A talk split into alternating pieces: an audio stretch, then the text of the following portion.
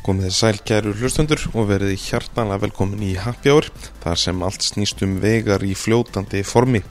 Nú hristarinn er mættur aftur til leiks þar sem við fáum til okkar helstu barþjóna landsins og hristum þar úr þeim vitninskuna eins og margir vita nú orðið. En það er G.S. Import sem sér væsmann fyrir barahóldum, streinurum, sjúsamælum og svo auðvitað hristurum en það búið að vera nóg að gera hjá væsmann í því að hrista drikki upp á síðkastið.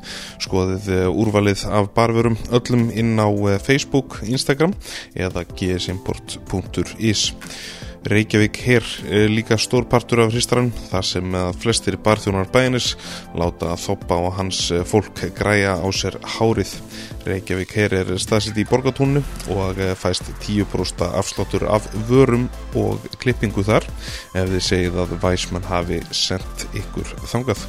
Nú minni á Facebook síðu Væsmann þar sem hægt er að taka þátt í síðasta aðvenduleiknum fyrir jól glæsilegur vinningur sem inniheldur meðal annars tvær flöskur af portvíni, kristalglös súkulæðdöðlur og er þessum glæsilega vinning pakkað inn af söndru dögg og hennar snillingum í blómabúðinni dögg í Hafnafyrði. En þá að máli málana. Nú gestur þáttarins er hóver barþjóðn en þykir ekki leðilegt að tjá sig þegar umræðan snýst að barheiminum. Hann hefur mikið til síns máls, enda vel lesin og hefur sigrað nokkrar flottar barþjónakeppnir á undanförnum árum. Í þættunum krifið við hans feril, hans uppáhals áfengi og uppáhals koktera og fleira og fleira. Nú gestur minn er yfir barþjóðn á hinnum glæsilega veitikastað Eriksson Brasserie sem staðsettur er á laugarvegi.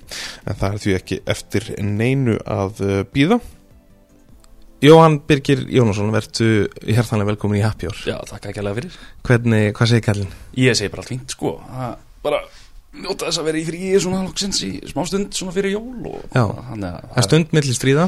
Það er stund millir stríða núna, sko. Það er búið að vera alveg nóg að gera núna undanfærið og svona Já, það er svona gott að fá aðeins tíma til að kvíla sig og Hvíla- þáttur í svona flottum þætti Já, gestur í nákvæmlega. svona flottum þætti geða en. Já, ég, ég ætla að reyna að vanda hérna, orðavalið mitt, ég ætla að reyna ég, ég er rosalega hrifin að því hvað þið, þú slettir lítið þegar þú gerir heiðarlega tilhörn til þessi í þessu þáttum að ég ætla að reyna að vera á sama báti Já, ég svona, hefur svolítið verið að vinna með það að koma með og, og þess vegna var alltaf gaman að fá erp því hann alltaf slettir mest bara á íslensku. Já, það er ógeðslega gaman að hlusta á hann, hann orðavalið hann sko er Já. ótrúlega gott sko. Það er svolítið skemmtilega. Já. Ég átti mjög bátt með mig. Herðu, Já, uh, Jóhann, þú hefur verið uh, ábrendu barþjótt í barsinu Íslands undanferðin ár. já, uh, meðal annars unnið barþjónakeppnir og ferla, ferðast uh, ellendis og sóttir uh, innblástur þar. Uh, Við ætlum að krifja það allt saman hér í hristaranum í dag.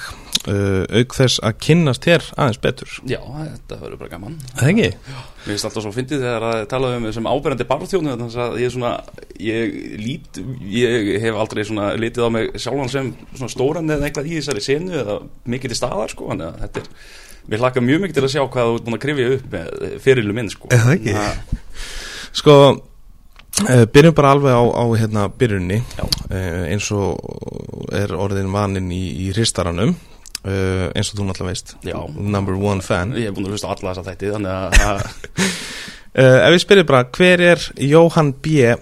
Jónasson? Þú kallar þér Jóhann B. sko bara innan barþjónabrandsans hef ég alltaf verið kallaður Jóhann B. Og ég held að þetta hafi verið hann hérna Leo Ólason, hann byrjaði á þessu. Alltaf Já. Jóhann B. Hann alltaf hræðilum hann upp. Já, og ég líka sko. Ég, það á eftir að komast fram, koma fram í þessum þætti hversu ég á eftir að vera að leita nöfnum hérna alveg hægri vinstri. En já, ég þú veist utan það innan fjölskyldunar er ég alltaf bara að kalla Jói og ég hata það sko Það er bara, það er bara fóldra mín sem kalla mig Jói og amma mín kannski Já. en annars er það alltaf bara Jóhann og, en innan barþjónasinnar það var alltaf Jóhann B okay. ég, veit hvers, ég veit ekki hversu margir Jóhann eru í barþjónasinninni hér á landi Nei, það er alltaf bara einn Jóhann B. það er bara einn Jóhann B allavega hinga til sko. Já. Þannig, að- Það er mjög töff mm, að vera með svona sér nafn bara innan barsennar. mm, Uh, ef við byrjum aðeins á svona þínum uh, svona ferli og kannski svona aðdraðanda að, að byrjunni, hvað svona, hvena vaknaði uh, áhugð þinn fyrir, fyrir koktelum og svona barstarfinu? Þetta, þetta byrjar öruglega svona um þetta byrjar öruglega svona um 2008 hjá mér. Já, þannig að þetta er að þetta já, það eru komin alveg 11 ár síðan að ég byrjaði eitthvað að leika mér að þessu sko og það var þetta kemur í rauninni meira út frá því sko þetta var einhverju partíi hérna í bökkunum hjá félaga mínum og var bara- legendary party í bökkunum? Já, það er alltaf, alltaf legendary party í bökkunum sko.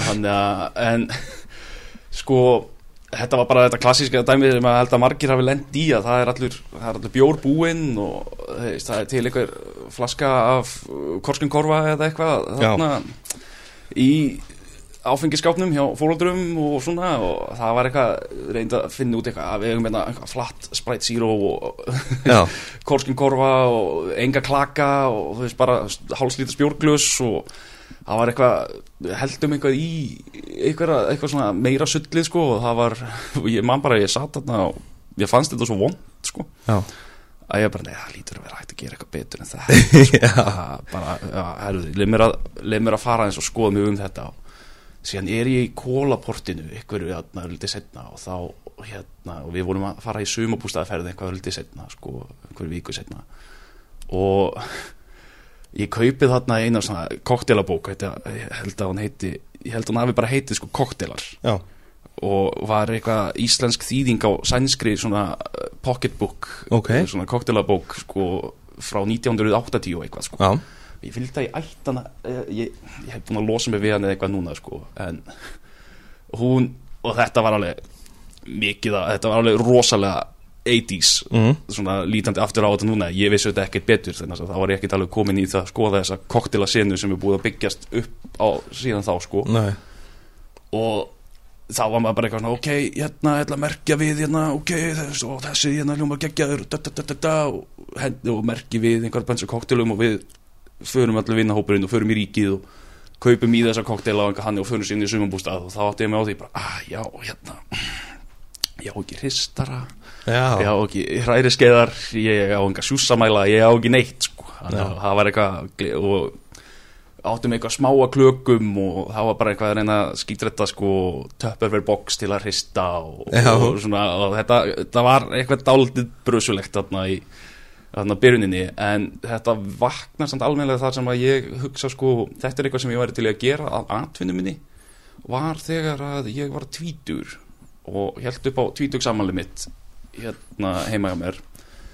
Og þá var bara koktelapartí mm, og ég fór og ég keipti þá hristara og súsamæla og allt annir og ég keipti keipti ekkert hristara og allt og mikið pening byggt á búið eða eitthvað og þess að ég vissi ekkert hvar, hvar kaupir maður koktelarhristara skilur þess Nei. að þá þekkti maður ekkert fastus eða GSM-port eða eitthvað þess að gæja, maður vissi þetta 2010, maður veit ekki, vissi ekkert hvert maður átt að leita skilur, þú veist, þegar maður er ekkert að vinna í þessu og þekkir engan í bransanum eða neitt slíkt sko, þannig að að koma svona inn í þetta að reyna að redda sér eitthvað í gegnum þetta og, en við kaupum bara fullt af áfengi og ég fer í gegnum áfengiskápindars pappa og, og stel einhverju líkjurum og einhver svona hana frá honum og, flösku jagamesteri og eitthvað svona og, reddum við fullt af glösum og fullt af klökum og ég djúsa hana fullt af söfum og geri hana koktelaseðil og prenta hann út og eru með allt hannig og ég bannaði þar engin bjór, já, ekkert léttvín ekkert slíkt, það er bara koktelar Já, ok. koktelar og stert í kvöld. Svona var að gera þetta?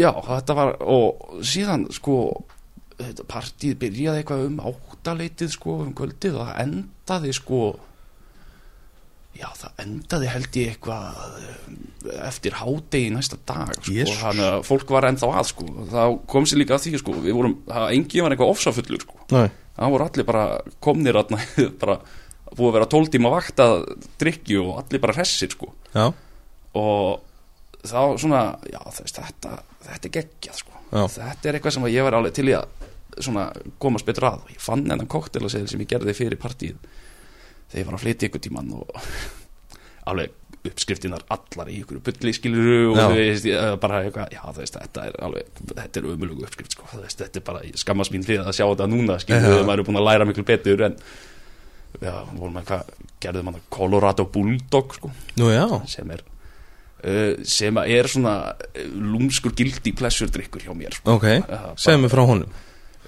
Colorado Bulldog er í rauninni bara eh, White Russian, bara klassískur White Russian, bara equal parts rjómi, kalú og vodki, hrist saman.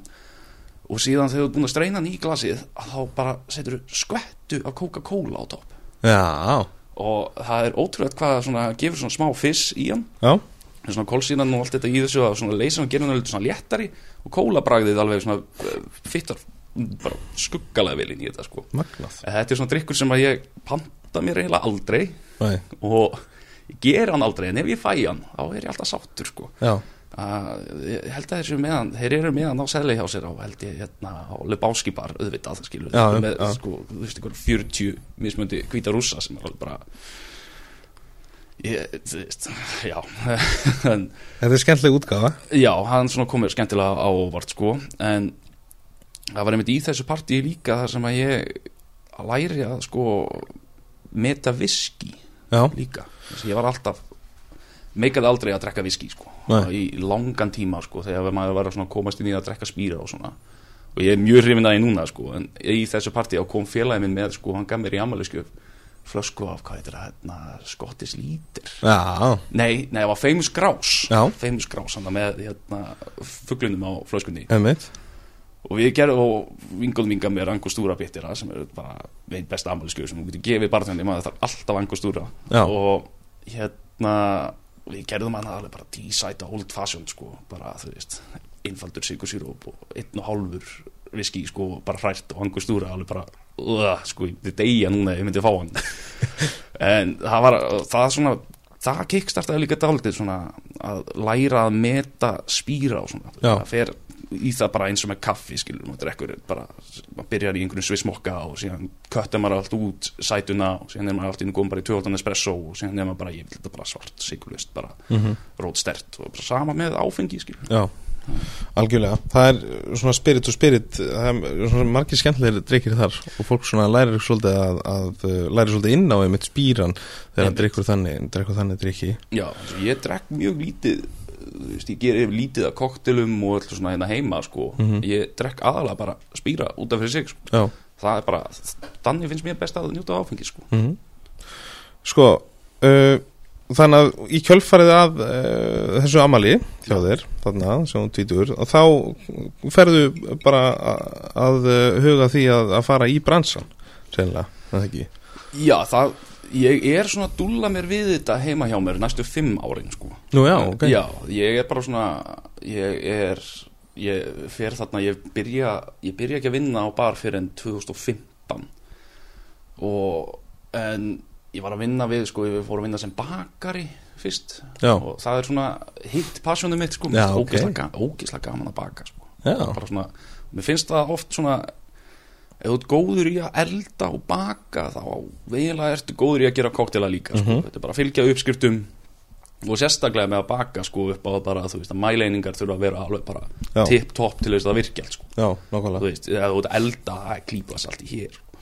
hvað annað en þegar þú ert að baka þá þarf að vera 11 grömm salt Já, já, hvorki meira enn í minna en ég byrja að baka og það var eitthvað ekki alveg að ganga þannig hjá mér. Og var að vinna hjá Sandholti í nokkra mánuði og síðan endaði ég eitthvað bara á því að fara að selja farsíma auka hluti í mjóttinni Já, þannig í símabæ sko hann að gilfa gilfa sinni sem að ok.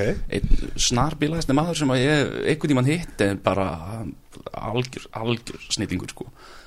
En síðan er ég eitthvað komið með því að hérna, selja farsíma auka hluti og ég var þá alltaf á sem sagt hérna Fredriksson Eilhás Já, og það var svona enginn í vinahópnum var með sína einn íbúð lengur og svona en við þurftum alltaf stað til að hittast á og við hittumst alltaf bara þar sko Já. og við varum komundu í það sko það, það var opið fyrir djammið og svona líka og ég var þessi gæði sem var mætti með koktelabók í hendinni og bara hei, getur þú nokkuð hendi í þennan drikk fyrir mig og Já, bara, já. "Ö, það- það- ég líti eitthvað trippulsekkin já, já, herru, gerum þetta bara fyrir þig já, og ég er hann að einhver tíman og er að tala við vakstjórna einhvað nöldra yfir hérna vinnunni minni, þetta klassíska sko Já. barþjóna dæmi sko það er að hlusta á kunnan durla yfir hérna enga lífi sitt og svona og hann bara eitthvað, "Æ, hættu þessu hættu þessu leiðindum og kottu bara að vinna hér. Já, ok. Já, bara hérna, sendi bara CV-ið þetta hérna á eigandan og við bara tökum bara í atvinnu viðtal hérna bara í næstu viku. Ok, við bara, já, þú veist, ok, við bara bara símanum og sendi bara CV-ið á og síðan bara næstu viku þá er ég komin í atvinnu viðtali og hérna Sigga og Stellu sem að eiga Fredriksson Eilhás og já, ég bara síðan einhverjum tveimu viku setna þá er ég bara byrjaður að vinna þar sko. Já, ok. Og vinn þar hérna byrja að vinna alltaf bara svona um helgar bara hverja helgi. Já, það er að þrið, þú veist, já, ég vann svona þrjár helgar í mánuði. Já, og það var alltaf bara að mæta klukkan 11 og búin klukkan 4 sko og, bara, og var annað til þess að gera bara koktela og hella upp á bjór sko og ég er að því í örglega svona hálft ár þegar að eitt sem sagt hérna, eitt starfsmæðurinn hann hætti og ég ákvað bara að taka alla vaktinnar hans í heildsölu og byrja þá bara að vinna í fullu starfi sko. og já, var þar síðan bara, síðan bara eitt leita öðru og ég var settur sem yfir bara þjótt svona í, í gæsalöppum sko. Já, og var svona sáum koktelaprogrammið og eitthvað þarna sko og veist, við lögðum aldrei eitthvað svona sjúkla mikið upp úr því, það var alltaf bara svona meira svona ég var að leika mér að einhverju og svona Mhm, hérna þessu og hérna, en þetta var auðvitað aðalega bara upp á bjórin og bjór og matur og svona og er ennþá staður sem ég bara er svona mjög, mjög kær í Já. hjarta mínu sko. Þannig að mæli með að allir að kíkja þangað í, í bjór og góðan burger og, og svona og Já. það er bara já, besta nacho sem þú færð á held ég bara á höfuborgarsvæðinu þessa dagana sko. Mega sjátátt á, á Fredriksen. Fredriksen Neilás mæli með þessu sko. Ok, og þú ert uh, þarna síðan í, í hérna, komum svo aðeins uh, síðar að því uh, að hérna koktelkeppnum sem þú tekið þátt í. En það bara svona byrjar uh, á þessum tíma, ekki satt? Jú, það, ég byrjaði þarna 2015 og, er, og ég er þarna næstu, ég er þarna til 2018, þá er ég þarna. Og þetta var bara svona, ég var búin að, maður var bara að vinna mikið sko, þetta voru 16 tíma vaktir alveg og já, þetta var svona erfitt að vera niður í bæ, og þú veist að vinna alltaf niður í bæ allan daginn og búa upp í breiðoltnu og ég veit að lifi hérna bílausum lífstíl og hérna keiri ekki þannig að það var svona að retta sér heimstundum var svona Já, aldrei vesinn sérstaklega á vetunar sko, sumurinn hjólaði maður bara geggjað sko. En hérna já það svona er þarna í nokkur ár og er og skemmt með konunglega þetta var, var komin bara svona smá smá leiði í mann sko.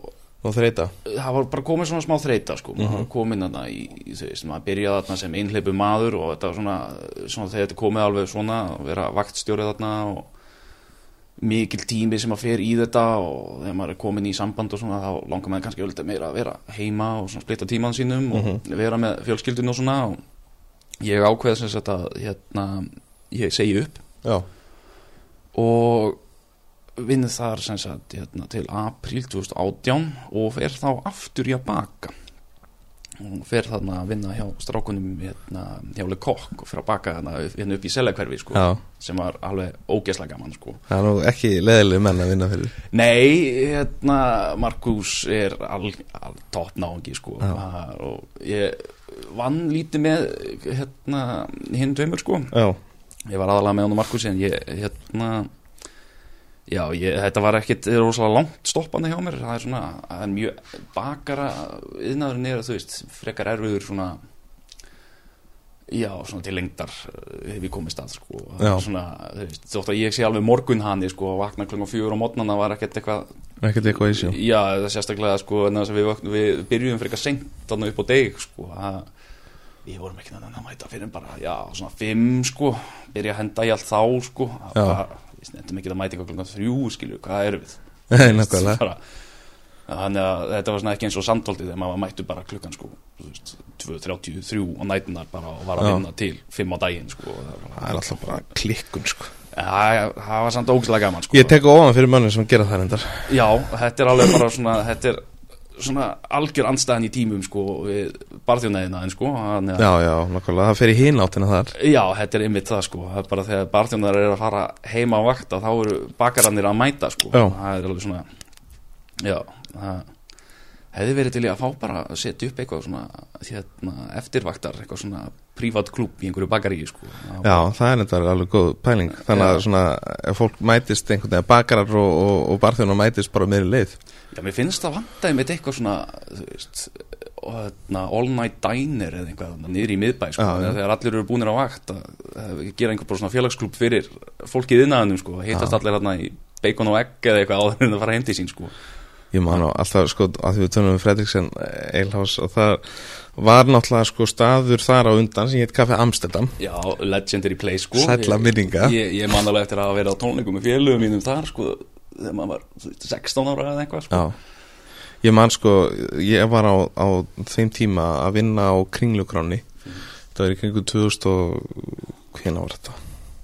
2005 minnum líka á hérna kringlugráa pop-upið því ég er komin heim uh, hjá þér núna hvað 18. desember? Já, Já, Nákvæmlega. allir mæta það ef að þetta er komið út fyrir þann tíma en þetta kemur enda deginu eftir, það var í gær þetta já, kemur allir þeir sem að mættu í gær að hérna var þetta. Þetta var bara, örgulega, bara í mjög góðu lagi. Ég elska kringlugrána sko.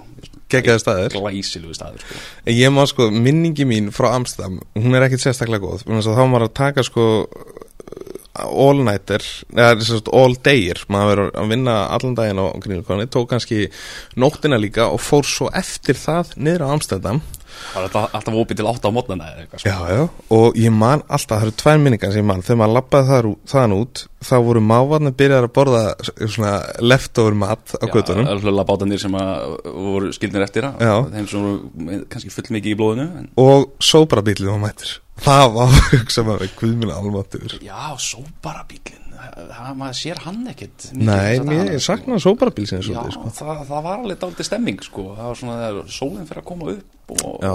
maður er svona þarf að fara íhuga leigubílaröðina En við náttúrulega erum farin að lifa tölvört uh, heilbreyðli lífi heldur en það, Jóhann Já, að það er vera á ferli þegar sóbrabílin er Já, ég held að það sé líka stór partur af því að staðir eru þetta bara að byrja að loka fyrr Já, já. Þetta var, hvenær breyttist þetta? Ná, Staðir, þú veist að loka 4.30 í síðasta lagi, hvenær var þetta? 2010 eða eitthvað? Já, eitthvað svo leiðis En ég, þú veist, það er líka bara ekkit eðlilegt við það að vera einhvers staðar á einhverju bröldi til átta á móndana Sko, það á það á sína, sína stund sko Já. það, stundum er það alveg skemmtilegt sko og svona, það er alveg margar góða minningar af sko að vera á röldinu eitthvað sko klukkan 8 á morgunin en það er svona ekki ekki allar helgar Nei, alveg Ég enga veginn. þegar maður lítur á lífstílinn sinn sko hérna þegar maður var yngri og svona byrjaður í drikkjunni og svona og bakbókafyllir í og eitthvað svona og, Já, veist, bara, allar helgar. Ég bara ég fer tvo daga, ef ég drekk tvo daga í rauð núna, þá er bara vegan mín ónýtt sko. Bara, ég skilji hvernig maður gerði þetta sko, átta daga í mánuði sko. Nei, bara, og þetta er eiginlega bara, mér finnst þetta er líka orðið bara miklu meira svona orðið eins og í Evrópa að fólk er að fara, þú veist, fyrir út er ekki að drekka til að gleyma það er bara að fá sér aðeins í happy hour og svo er fólk bara komið til sín að eðlunum tíma sko, heim til sín já, það er líka bara miklu sniðara sko. og líka bara með þessari vitundavakningu sem er búið að myndast núna bara bæði í mat og drikk núna síðustu, síðasta áratugin er þetta fólk bara er að drekka miklu meira smart og borða Já. miklu meira smart Já, já, leggur svona miklu betur út úr þessu sko. algjörlega Herðu, við erum á deg og, já, talandi um deg svo Markus, hann, hann er alltaf mestari Já, Ég maður, var þú, þú þetta vans með strákunum hann upp á mat og drikk Já, algjörlega. Já, það er þetta legendary tími á mat og drikk þarna sko. Já, ég man eftir því og hérna, það er eitt sem ég man sérstaklega eftir Markus segi, sko, lagsabeglan á deg er náttúrulega bara með því betra sem er hægt bara. Bara einn besta máltíð sem þú kaupir á undir 1500 kall sko á þeim tíma. Og ég man alltaf sko að ég spurði Markus sko, "Bíddu, hvað, þú veist, hvað setið í heroin í þetta? Þetta er svo geggja, þetta er bara addictive. Og hann er náttúrulega, þú veist, ameri sko bara no man, it's crystal meth. Já, ég get, get staðfest það það var ekkert sett út í þetta nema bara Ást og hamingja bara. Ást og hamingja, smá malt hérna, malt ekstrakt og eitthvað svona veist, en hérna þessar peglur eru þetta bara fárólega góður í á strákunum sko. Þetta er geggja sko. Mér finnst mjög leitt að hafa mist þetta úr úr hverfinu sko að vera með eitt svona gott svona handverksbakari sko. Hann, en þeir eru að komni inn á tryggagötu og bara gengur nokkuð vel hjá þeim skils með sko. Algjörlega. ég er bara, ég er ekki, í miður ekki búin að fara hana neitt nýlega sko. Nei, ég var hann bara í síðustu viku. Já, eða ekki. En hérna, allavega uh, Þú síðan uh, hættir þar? Já, ég, ég hætti þar og hérna ég enda eitthvað meginn á sko, við lendum í einhverju svona smá smá reyfrilitið þarna og ég, ég segi upp og hérna og ég fyrir bara að leita mér að vinnu og þetta er á föstudagskvöldi sko, klukkan eitthvað tíu og ég sendi e-mail hérna, ég sá auðlýsingu þau voru að leita til fólki á te og kaffi. Ég hugsa bara eitthvað ég get alveg gert eitthvað kaffi skilur, það er ekkert mál skilur, þetta er bara einhverja vatni á einhverja bönir skilur, þetta er bara easy peasy sko, og bara ég veit ekki hversu rangt ég áður fyrir mér þar sko. Já, en ég sendi þeim bara e-mail aðna sko klukkan tíu á föstaskvöldu og ég fæ bara svar bara ok. á 0-1 bara blessa, hvort ég atvinnið við tala eftir helgi? Ég bara, ah, ft- ah, ok. Já ok. Og þeir bjóða mér sem sagt vakstjórastöðuna uh, hjá Teo Kaffi í Kringlunni sem er þetta bara eitt söluhæsta kaffihús já. landsins sko. Og þetta er bara mesta brjálæði sem ég hef einhvern tíma upplifað sko. Er mokstur þar Já, ég, ég reiknaði og ég var sko vakststjórið þarna sko yfir jólin í fyrra. Jesus. og jólin í, í kringlunni sko þetta bara þið, Það er það er allir að missa vitið skilur og Kannastu það. Já, það, þú þekkir þetta frá kringlukráni sko. Það var þetta þú veist, bara venda sem maður er komin yfir í kaffi og því er ekki maður að segja að fara að sleppa eftirvaktbjórnum sko. Og kringlukráin var þetta alltaf mjög solid staður fyrir góðan eftirvaktbjór sko, skýt kaldan sko.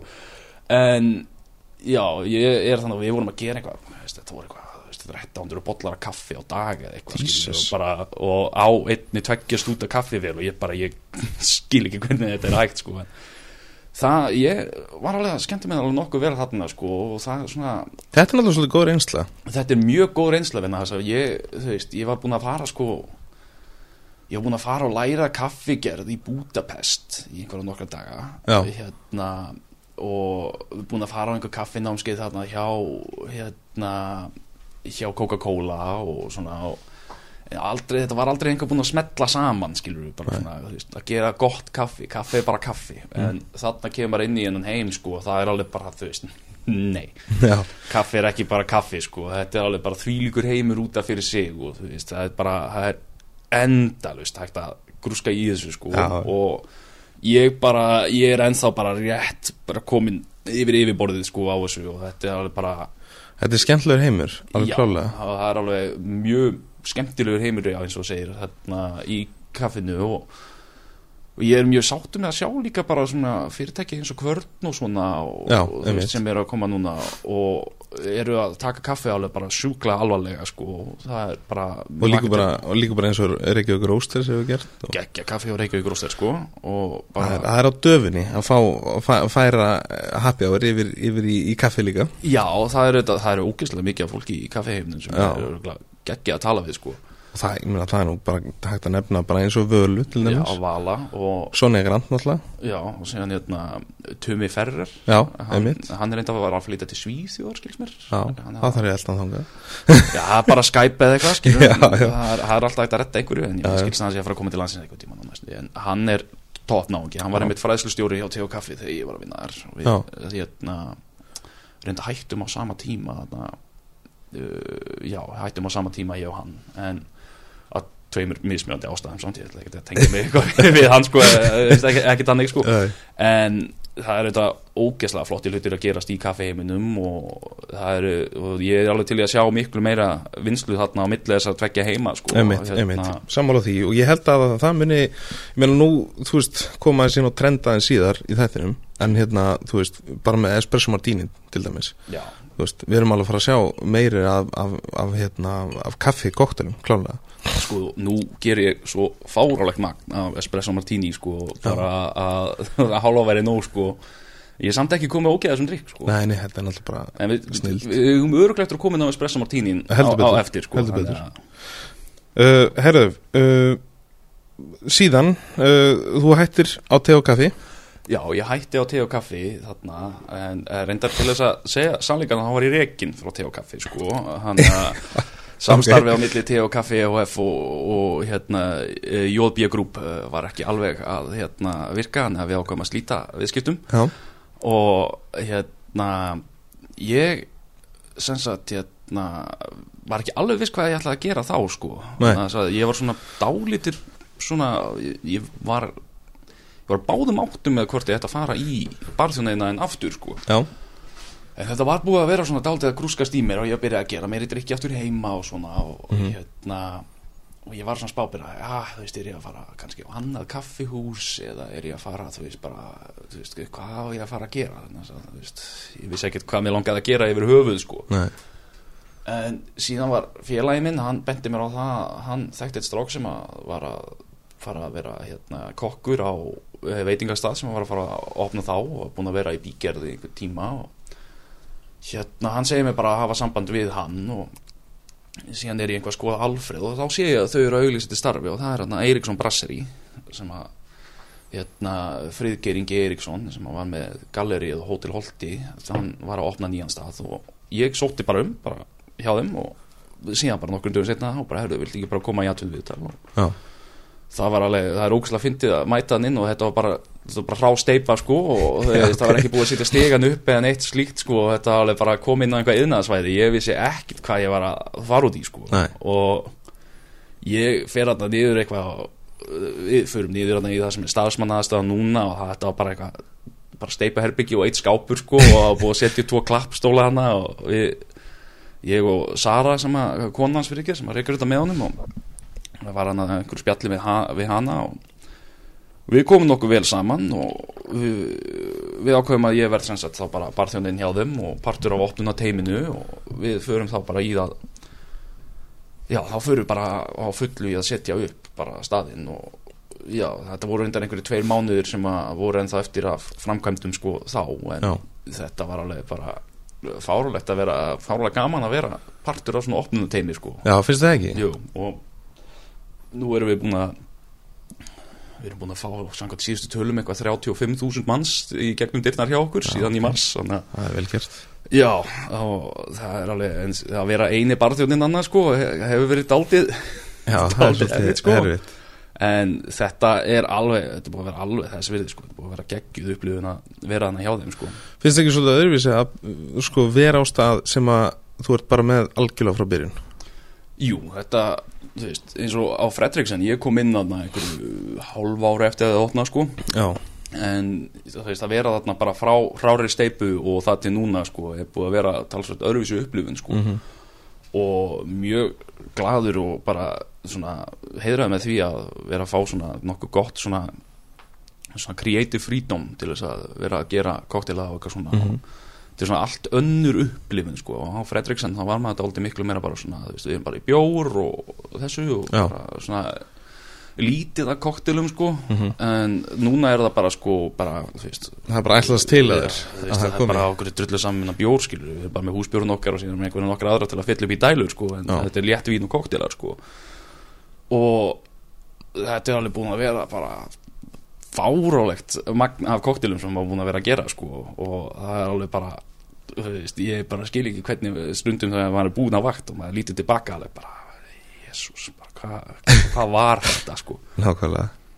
Förum aðeins betur yfir, yfir hérna uh, Fredriksen Fredriksen segi, Eriksson Fredriksen, Eriksson. Já, þetta er, eitthvað þema í gangi. Já, hérna, förum aðeins betur í það eftir. Uh, En nú ætlum við hins vegar að fara í lið sem þú þekki mjög vel. Ég þekki þetta allt mjög vel sko. Uh, Enda ertu náttúrulega eins og áður sagði mikill aðvandi að happi á hlaðvorpinu Já, ég staðist aðdándi sko. Ég, ég býð bara eftir að koma út bólir og svona og þá getur maður að fara að auglýsa þetta almennilega bara. Nákvæmlega uh, Hérna Við ætlum að fara í uppáhaldsspurningarnar. Yes og það er uh, engin pressa. Það er bara, það er bara létt, það er bara happy hour og það er bara gleði stund sko. Já, en sko uh, og þú ert náttúrulega ekki stressaður er Nei, nokkuð? nei, nei, nei. Þú ert alveg með þetta? Ég er búin að gúfa í mig svona tveimur lítrum af kaffi hérna Þannig að þú veist það, Ég sallar hólu sko. Þannig að þú- náttúrulega veist líka bara hvernig þetta er uppsett og svona. Já, já, ég, ég er allavega, ég er ekki trúa því að ég sé öldi betur undirbúinn svona andlega heldur en margið aðri sem hafa komið inn á þátt sko. Ok, þá ætlum ég bara að byrja þetta. Er bara með. Herðu, þá ætlum ég að byrja að spyrja þig Hver er uppáhalds óáfengi kóktellið? Ó, það er twist Það er, það er twist á þessu. Herðu, óáfengu koktill Hérna ætla aldrei að vann með þetta væsmenn sko Hann Nei, kemur alltaf það, öður það er, þetta er leksía sem við erum að læra núna sko Sko, ég er mjög lítið í að drekka ófenga koktela sko. Já. ef ég vill ekki einhvað áfengt þá er ég meiri bara í vatninu eða kaffi eða einhverju slíku sko. en sko um, ég myndi öruglega að segja að það væri hérna E.T. Espresso Tonic. Já, það er alveg þú veist, ef, ef mér langar í eitthvað svona eitthvað svona dúleri ófengt sko, þá er það alveg það er klálega eitthvað sem að fólk hægt að prófa að blanda saman tónik og, og kaffi. Já, það er Þetta var eitthvað smá trendana úti eitt sumarið sko, þetta, ég veit ekki hvort þetta var eitthvað mikið hérna sko, en uh, þetta var bara smá, bara eitthvað, eitthvað síróp, bara tónik og síðan bara fleita espresso yfir og bara ógislega næ sko. Já, og mæla alveg með því að fólk allavega prófið þetta ef það er að fara á hvern stað sem að selur gott, eða gerir góðan espresso og og svona, MSM-lega tónik já, með sæmlega tónik sko. Ok, herðu, þá ætlum ég að sleppa þér í, í spurningu sem, sem að ætti raun og vera að vera fyrst og hvað er uppáhalds koktillin? Hef, það, það er espresso martíníin er uppáhaldskóttilin minn Já, en ég á í dálítið svona flóknu sambandi með hann sko Ok. upp á það að þetta er þetta er koktel sem er mjög mjög betra á blaði en hann er oft í glasi mm. og þetta er bara svona þryggja ráefna koktel ég, elska þryggja ráefna svona simpul koktela bara kaffi, þetta er bara gott góður espresso, góður kaffilíkjör og bara vodki sigur ef þú drekkur sigur í kaffið kannski en málið er að mér finnst þetta bara eiginlega alltaf bara of sætir eða of lítið kaffibragð eða þú veist ég, Já. ég er með einhvern svona hinn fullkomna espresso martini einhver staðar í bara hau, hausnum á mér og ég hef bara aldrei fengið hann ég fangið mjög marga, mjög góða. Já, en aldrei þennan sem var svona þetta er bara besti espresso martini sem til ég hef aldrei en hefur þú gert þann sjálfur? Nei, ég hef ekki náð að gera besta espresso Nei. martini en ég, ég er með einn ég er með eitt sem að við gerum á Eriksson sem að er sko, þá notum við ekki kaffi líkjör per se, heldur gerir ég sko ég tek Campari og leifi hérna leifi espresso að liggja í sem sagt muldum espresso að liggja í Campariinu yfir nótt og nota það í stæðin Já, ok. koma svona smá kaffibræði og, og biturleika svona Mhm. inn í hann, en það sem ég finnst oft svona eins og vanda mér í biturleika oft Já. í espresso martini og það er svona oft vandamálið sem ég á að þeir fara svo oft út í sko sætleikan en ekki nógu mikið út í biturleikan Já, samanlega og líka bara til þess að koma inn á það að sko fólk eru svo hrætt við þetta beiska bræð en það er náttúrulega svona framfleitir svolítið út í eftirbræð líka einmitt skilur og en þetta er svona en á sama tíma er það sko ég er líka eiginlega svona búin að sætta mig við það að ég mun aldrei fá hinn fullkomna espresso martiniin en ég held að það sé gott fyrir hvert barþjón fyrir sig að vera með svona pet projectið sitt sko, Mhm. þetta er drikkur sem að mér langar að gera fullkomin Já, þetta er eins og að reyna að gera hinn fullkomna gin og tónik það er ekki hægt, það er bara, þú veist, en það er alltaf gott að vera með einhvað til þess að, þú veist, maður er að prófa nýjar nýja tækni í að gera eitthvað infusion eða veist, hvað annað. Mhm. að vera með þá koktelin sem maður kannski prófar alltaf að gera allt svona í að vera með einhver svona bara eitthvað project. algjörlega sko. Bara svona til að, að þú veist, ef þú nærða fullkomna eitthvað að þá er það bara boring eftir það sko. Og líka bara að hafa skoðanir á því af hverju er þetta gott, er þetta kaffi eða þú veist hvað þetta nota? Eru, það er til fleiri líkjur líka? Kaffilíkjur Já, það er til ógeðslega mikið kaffilíkjurum hvað er heitir hann hérna? eh, sem að glópu sem er núna kaffi bebo hérna eh, já, kaffilíkjur, ógeðslega góður. Já, og síðan var þetta hérna, Toussaint. Já, hann er geggjaður. Það er ógeðslega góður. Eh, það er svona, mér langar rosalega mikið að smakka hérna, hvað heitir hann, hérna, Mr. Black eða eitthvað sem er hérna, gerður úr hérna, kaldbruggaður kaffilíkjur sko, hann er ekki til sölu hérna svo ég viti en Nei. ég er búin að sjá mikið gott um hann sko. En já, síðan er þetta bara sko það er- hvernig kaffi ertu síðan að nota? Já, sko, þú veist, þannig ertu bara dottin í einhver hólu upp á sko að það eru sko hundruði mismunandi af kaffi sko Já, og þú veist, hvað ertu að fara að nota þar og þú veist, hvaða vodka ertu að fara að nota og þú veist, það er eins og margir halda bara já, vodki, þú getur nota hvað sem er þetta bara, þú veist, hlutlu spýri og eitthvað þannig en það bara er ekki rétt, sko bara þegar þú ert að nota þetta í svona koktela, sko. Allavega ekki, að þennan skilur þá er það alveg uh, alls konar skoðanir svona sem að fólk getur haft sko líka, já, sérstaklega af því að þú veit þarna er alltaf kaffi bara í, í aðalhlutverki. Já, og það er líka þetta bara þegar þú ert að nota góðan vodka þá verður, hinn hráefnin verða líka að vera bara ógeðslega góð, sko. Já. það er bara eiginlega tilgangurinn fyrir vodka í koktelum er bara Já, upplifta öllu öðru sem er í honum, sko. Það er bara, já, en espresso martiniin er svona minn uppáhaldsdrykkur en ég hef aldrei fengið hinn fullkomna espresso martini. Nei. Við hérna fylgjumst vel með því.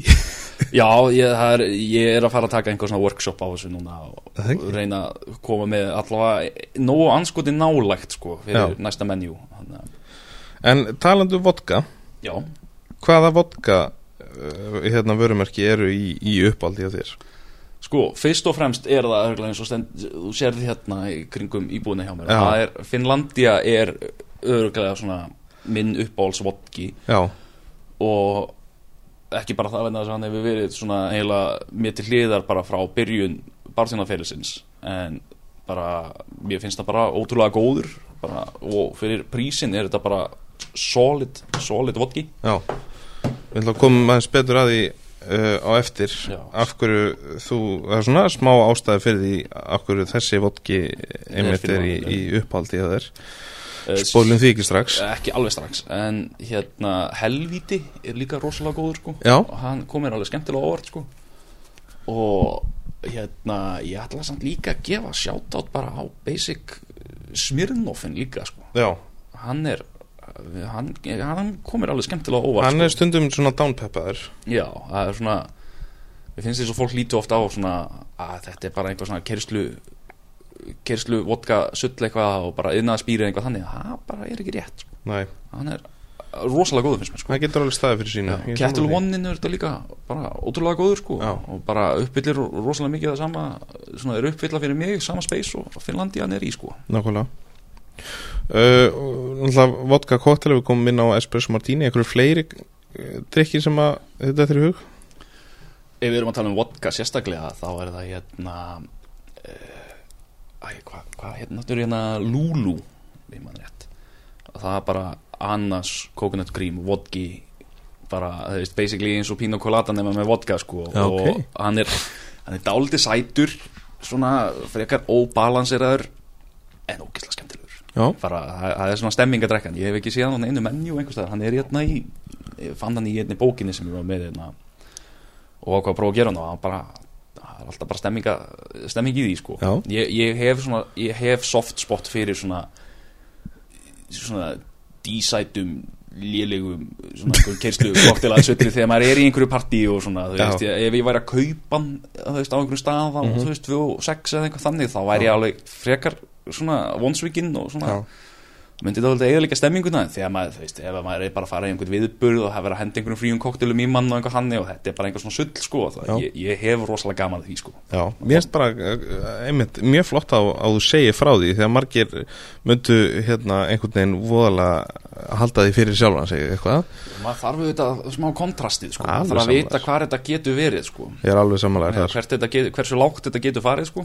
Og það er aldrei, ef þú að, að meta það sko. Þú veist að fara á einhvern svona þegar maður er úti eða eitthvað hann og fara rampinn á einhvern svona, svona dive bar já, og sem var svona lítur til dálítið svona, þú veist, dodgy út sko já, panta sér Manhattan. Já. Bara svona upp á djókið sko og bara svona sjá hvað gerist sko það er, þú veist, ef hann er að kosta bara eitthvað þú veist, þúsund kalla, það er bara já, já, það er ekkert mál en það er bara svona að sjá bara hvað er, hvað er, hvað er að gera hínum einn sko, ekki í kraftsinninni sko. Að þú veist, það er einhvern veginn erfitt að gera finnst mér vondan koktel skilur þú, þeir eru svona svolítið misgóðir þeir eru miskóðir, það eru sumir sem eru svona á jáðri við að vera ódrekkanlegir Já, sko, já, en, auðvitað, en, náttúrulega. veist, en það er svona auðvitað náttúrulega eru bara ákveðin ráfni sem að bara hreinlega fara ekki saman já, og bara svo er svona alltaf skiptir þetta líka bara oftast máli bara að hafa hérna réttan balans Já, þetta er bara það er það sem ég svona mest í bakaranum líka sko. Já, já, já, og ég, ég eiginlega meira af sko að vera bakari og að vera í kaffinu upp á bara hversu mikið hlutfullin eru veist að vera með allt mælt og svona er, hversu mikilvægt það er sko. Og svona ég tók það dálítið með mér inn í Eiríksson að maður þarf alveg að spá í spá í þingdinni og öllu sko. Og ég svona, ég vikta eiginlega meira svona þegar, ég- þegar ég er að vinna í uppskriftum þá vikta ég alltaf miklu meira heldur en nota sjúsamæla eitthvað þannig sko. Já, já, ég er bara með viktin á og hellir bara smá út í du, du, du, og, já, svona í preppinu. Já, í preppinu sko. Mm Herðu, tölum um uh, aðra tegund, uh, áfengistegund sem er mjög vinsæl og það er gín. Gin, sko ég ætla bara að segja bífítir Já. klassískur bífítir er auðvitað bara uppáhaldsginni mitt. Já, og það er bara það er bara ekkert kjaftaði í kringum það sko. Nei. það er ekkert að reyna að vera eitthvað þú veist, jú þeir eru með hana Beefeater 24 sem er líka ógeðslega gott og svona, en það þeir þurfa ekkert að vera að fjalla hvað þeir eru sko. Þetta er bara klassíst, London Dry já, iconic flaska og bara ógeðslega gott. Og Já. bara fyrir peningin að þá bara þú veist, þú ert að fá bara svakalega góða vöru sko. Já, ég er ég er ekki mikill geinkall svona, þú veist, mér veist gein ógislega gott í koktela og þetta er svona algjör svona vinnuhestur Mhm. í koktelageranum en svona, ég er ekki mikill gein og tónik manneska til dæmis. Nei, ég er ekki alveg í þessu að svona para saman genið og tónikinn og svona, ég get aldrei svona bara ég vil hafa þetta bara auðvelt ég vil bara, þú veist, bífítir og bara, þú veist, þann tónik sem út með til handar sko og, og læmsnið, þú veist, það eru bara góðir sko og ég er, veist, ég er ekki hrifin að þessum kúpulsglösum sem eru svona mm gin og tónikglösin núna sko, ég er se- ég vil þetta bara í háu glasi og Já. bara svona, ég vil þetta aldrei 90s bara sko, bara eins og amma gerir þetta heima sko, Já. hún reyndar gerir besta gin og tónik sem að fæst í Reykjavík sko, Já. bara hátt glas, eitt klaki 50-50, Gordons og Sveps og sítrónusneið, ekki trært bara Nei. Ógíslega gott. Eins og þegar ég blanda þetta inn að heima á mér þá er þetta ódrekkanlegt sko. En það er bara, amma er með eitthvað svona secret touch held ég sko. Já, það er svona þegar, þegar fólk setur ástahamingi í þetta. Já, ég held hún sé örugglega bara með einhver bitter eða eitthvað svona Já.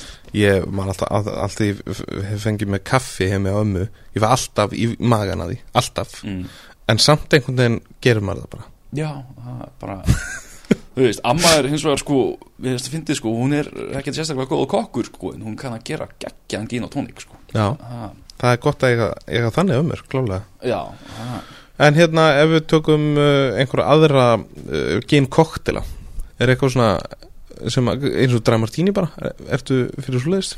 Sko, ég hef mjög gaman af bara klassiskum dry martini Já, og hérna ég, ég var einmitt að læra trikkið að setja sko barskeiða sigursýrúb út í hann. Ok.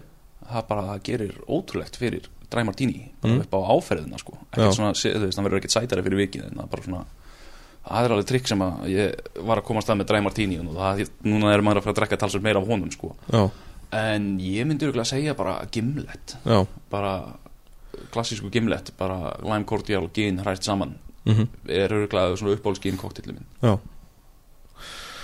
Herðu, þá segjum við skilið við genið í bili og færum okkur yfir í aðra kategóriu sem er rom. Rommið, já. Það er þetta nú svolítið uh, það er nú svolítið meira kannski í uppáldi af þér.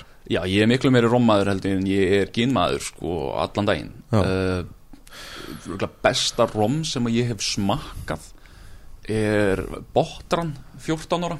Ok, og ég smakkaði það þegar ég var í, ég var í Turku í Finnlandi vorum á einhverju rölti þarna eftir hérna, eina vaktina og þá var einhver bara svona pingu lítill svona dæf bara einhver hóla sko á hotninu þarna einhverju götu sko og já, við löpum hann inn og var bara bakbarinn risa romsap já, ok.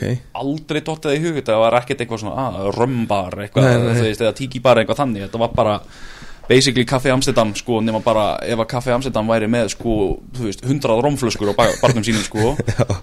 Og mátti reykja inni og einhver svona dæmi og það er bara erpur hefði elskað þetta sko.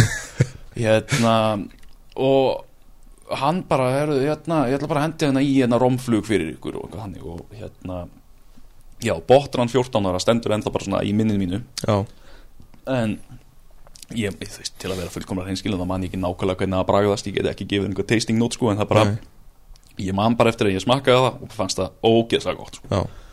uh, Ronsa Kappa XO líka ógeðslega gott. Mhm, en svona þegar kemur á bara svona kyrslu rommi og svona þú veist það sem maður er svona meira svona hverstagslega þá er það Havana Clubin þryggja og hérna þryggja ára er auðvitað bara besta hvítarom sem að mér finnst vera á markaðnum sko sérstaklega bara fyrir prísin sko. Já og við mitt aftur að hafa hann klöpp á, á eftir. Já, Af hverju þið finnst það sérstaklega gott? af hverju mér finnst það sérstaklega gott sko. en hérna, síðan er líka Plantation þrísnar, ógislega gott. Uh, Appleton Estate 12 ára er svona þegar kemur á svona Jamaica rommi sko, Mhm. ef maður er að fara í einhver svona tí- tíki dæmi sko, Já. þá er það ógeðslega gott. Mhm, en hins vegar bara hérna, sjátt á Hamilton rommin. Já, það er sko svipað og hérna Plantation hefur verið að gera sko. Að þeir eru svona eða þeir eru meira að svona sorsa þetta frá hérna hinnum ímsu framleiðendum og gera svona blöndur uh, overproof rommið þeirra er ógeðslega gott sko.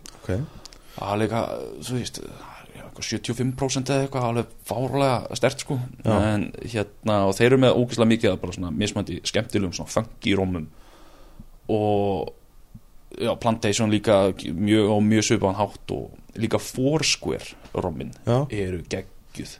Og það er svona, ég er svona býð eftir einhver svona taki stökkið og reyna að flytja þau inn hingað sko, Þannig að það það á eftir að breyta þessu öllu sko. Já, bara eh, um leið og Foursquare er komið inn sko, það eru, við mannir þá er það líka svona dálítið, eh, þú veist þeir eru með framlegstur hér og þar sko og eru svona að blanda þetta.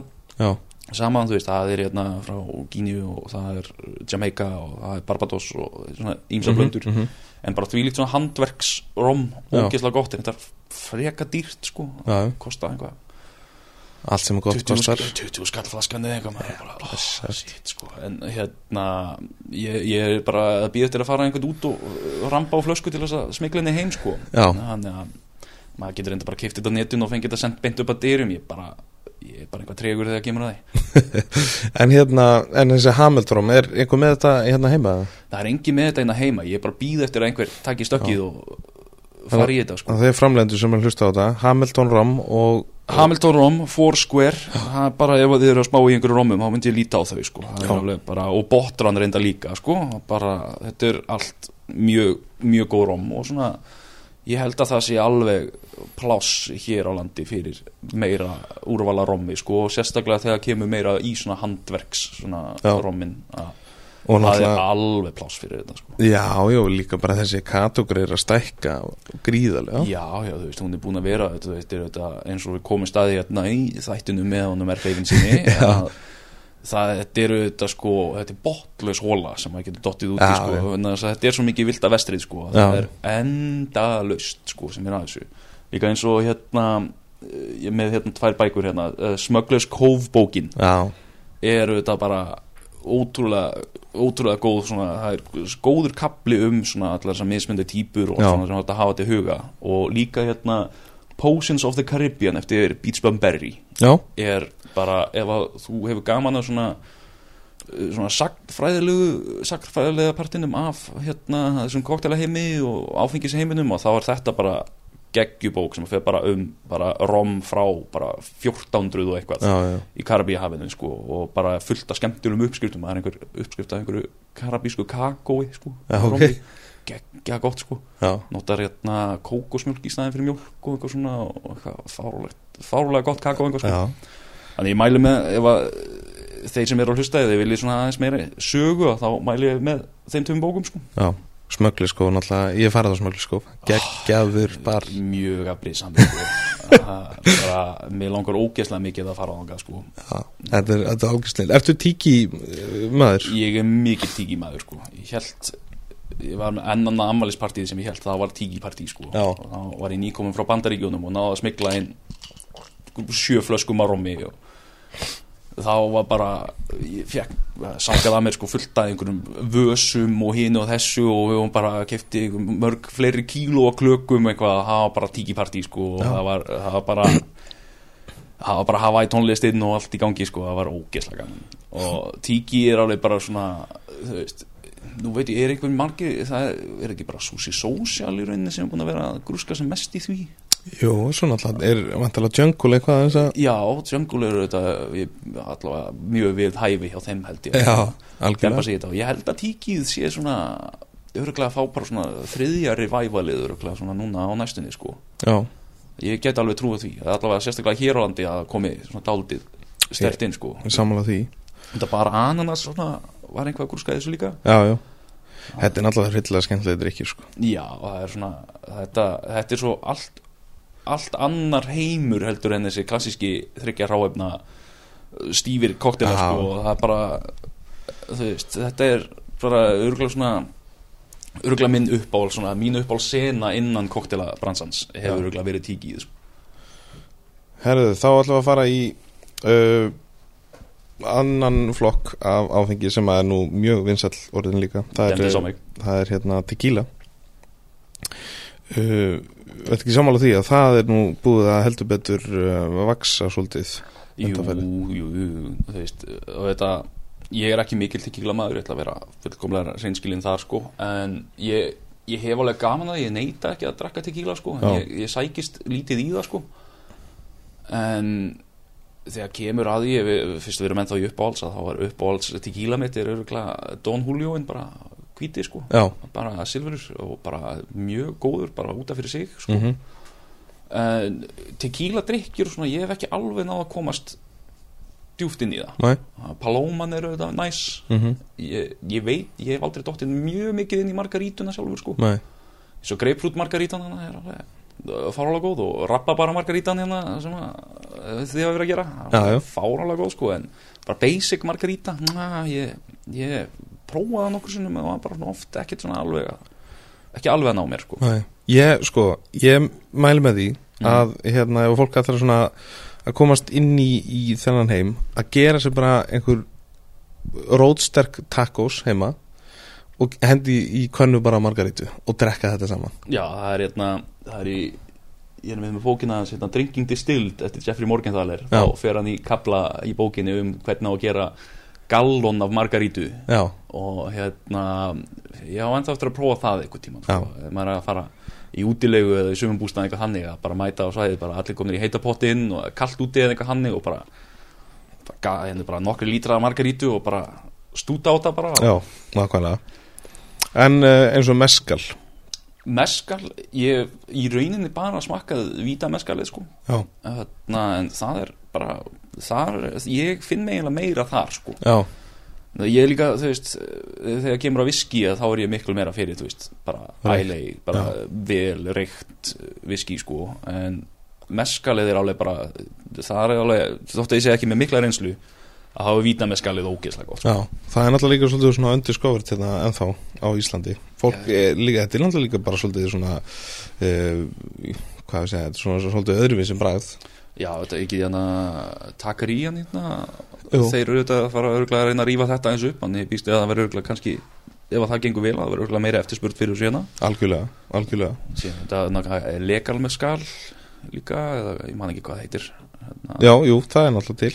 Já, hérna ég, Það er alveg til nokkrar tegundir já, sko. það komið eitthvað meira sko. Já, Sér líka að það er eitthvað kassatja líka að koma hérna á markaðinu svona. Já, það er náttúrulega annað sem er algjör snilt. Já, ég, ég hef ekki alveg hérna, náða að smakka nógu mikið af því sko, það var bara eitthvað eitt sem ég smakkaði sem var eitthvað alveg alveg bara sko bottom feeder, eitthvað kassatja sem var alveg mikill rutti sko. Já, en félagi minn var, hann býr í Brasilíu hann var að koma til landsins bara í dag held ég. Þannig að að í honum. spjalla við hann um þetta, fá hann til að senda mér einhverjar nokkrar Já. alvöru, eitthvað underground flöskur sko. Algjörlega og henda í, í Kæbrinja partí já, klálega sko. Herru, færum okkur þá bara beint yfir í, í viskið. Já, uh, Þú ert singulmalt maður. Sko þegar kemur að viski mm að ég vil hafa viskið mitt í, svona í öfgum -hmm. ég vil annarkvort sko ef að ég ég er ekki mikið, þú veist ég er, ég er fyrir singulmaltið, já, út af það bara eins og æle viski eru það oftar en ekki sko, og mjög Mhm. svona góð skosk viski en ég er ekki mikið fyrir þetta svona Highland og svona þessi svona rosalega mildu, svona vel balanseruðu fallegu viski Mm -hmm.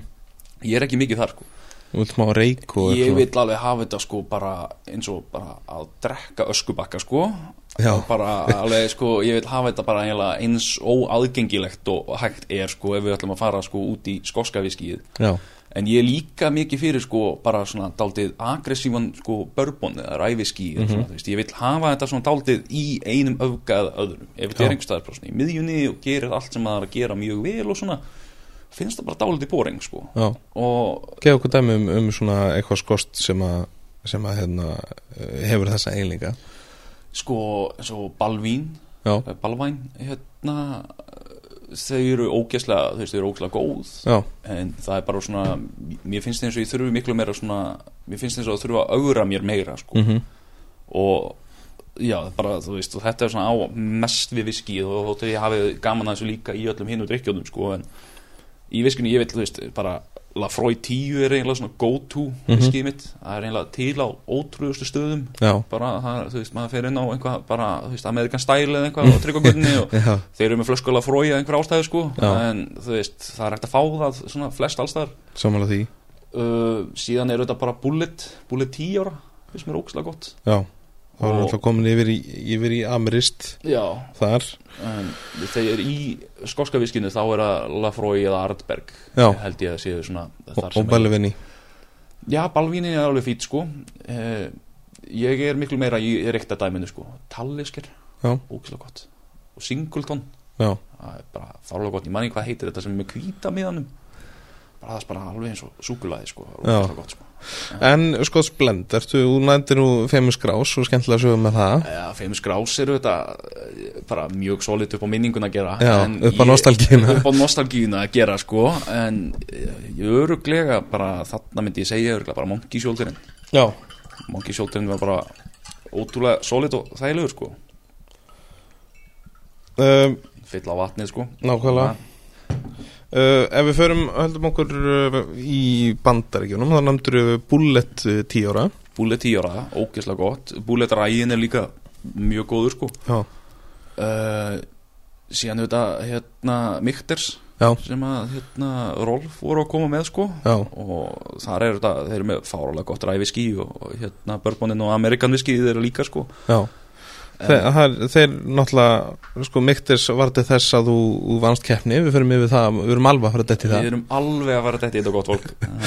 Hérna, uh, en viski koktelar, já, viski koktelar eru þetta það eru auðvitað svona uppbólskategóriða mín af koktelum, eru auðvitað viski koktelar og það eru þetta bara viski sour, bara svona mjög bara góður Boston sour. Mm eru þetta bara, ég get drukkið sko, ég get drukkið hann í lítratali sko.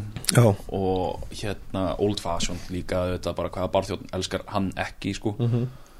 og hérna og svo náttúrulega erum við með þessa eins og svona, svona spirit forward drikki eins og Manhattan, Manhattan þú veist svona góður Manhattan bara, þú veist, ég hef eftir að segja svona góður klassískur bara svona 20 sinum enn.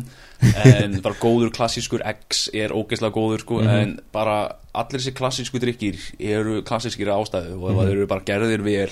Já. ást og umhyggju sko þá bara þeir bræðast allir ógeðslega vel. Manhattan bara hérna sko ég gerði frosin Manhattan. Já, það er, það er alveg next level sko. Það er það það er hérna Jeffrey Morgenthaler var með uppskrift af sko hérna frosnum Negroni. Já, sem er bara ógeðslega gott sko, ógeðslega skemmtilegt. Þannig að svona ég mæli með að fólk prófi sig með það sko núna næsta sumar að vera með frosin Manhattan eða frosin Negroni eða eitthvað svona Mhm. á hérna segli sko, það er alveg steinleikur sko. Ok, Já. það er mjög áhugavert. Já, en bara klassískur Manhattan bara það er fátt sem að toppar hann sko. Mm og hérna hins vegar drikkurinn sem að kom hér mest inn í að drekka sko svona til, drikkurinn sem að kom hér inn í svona að drekka Campari það er Boulevardier já, já, já, það er drikkur sem er svolítið vannmetinn já, mjög vannmetinn sko hérna já, Boulevardier líka hérna Bananavardier já, ok, líka mjög skemmtilegt sko. Bananar er komið já, aftur. þá er það sko taka bara minga Campariinn um helming og koma á móti með helming af hérna bara giffart bananalíkjörnum sko. Já, það er ógeðslega gott sko. Það er bara Campari og bananar bara passa skuggalega vel saman sko. En ég meina þú veist bananar eru líka bara góðir.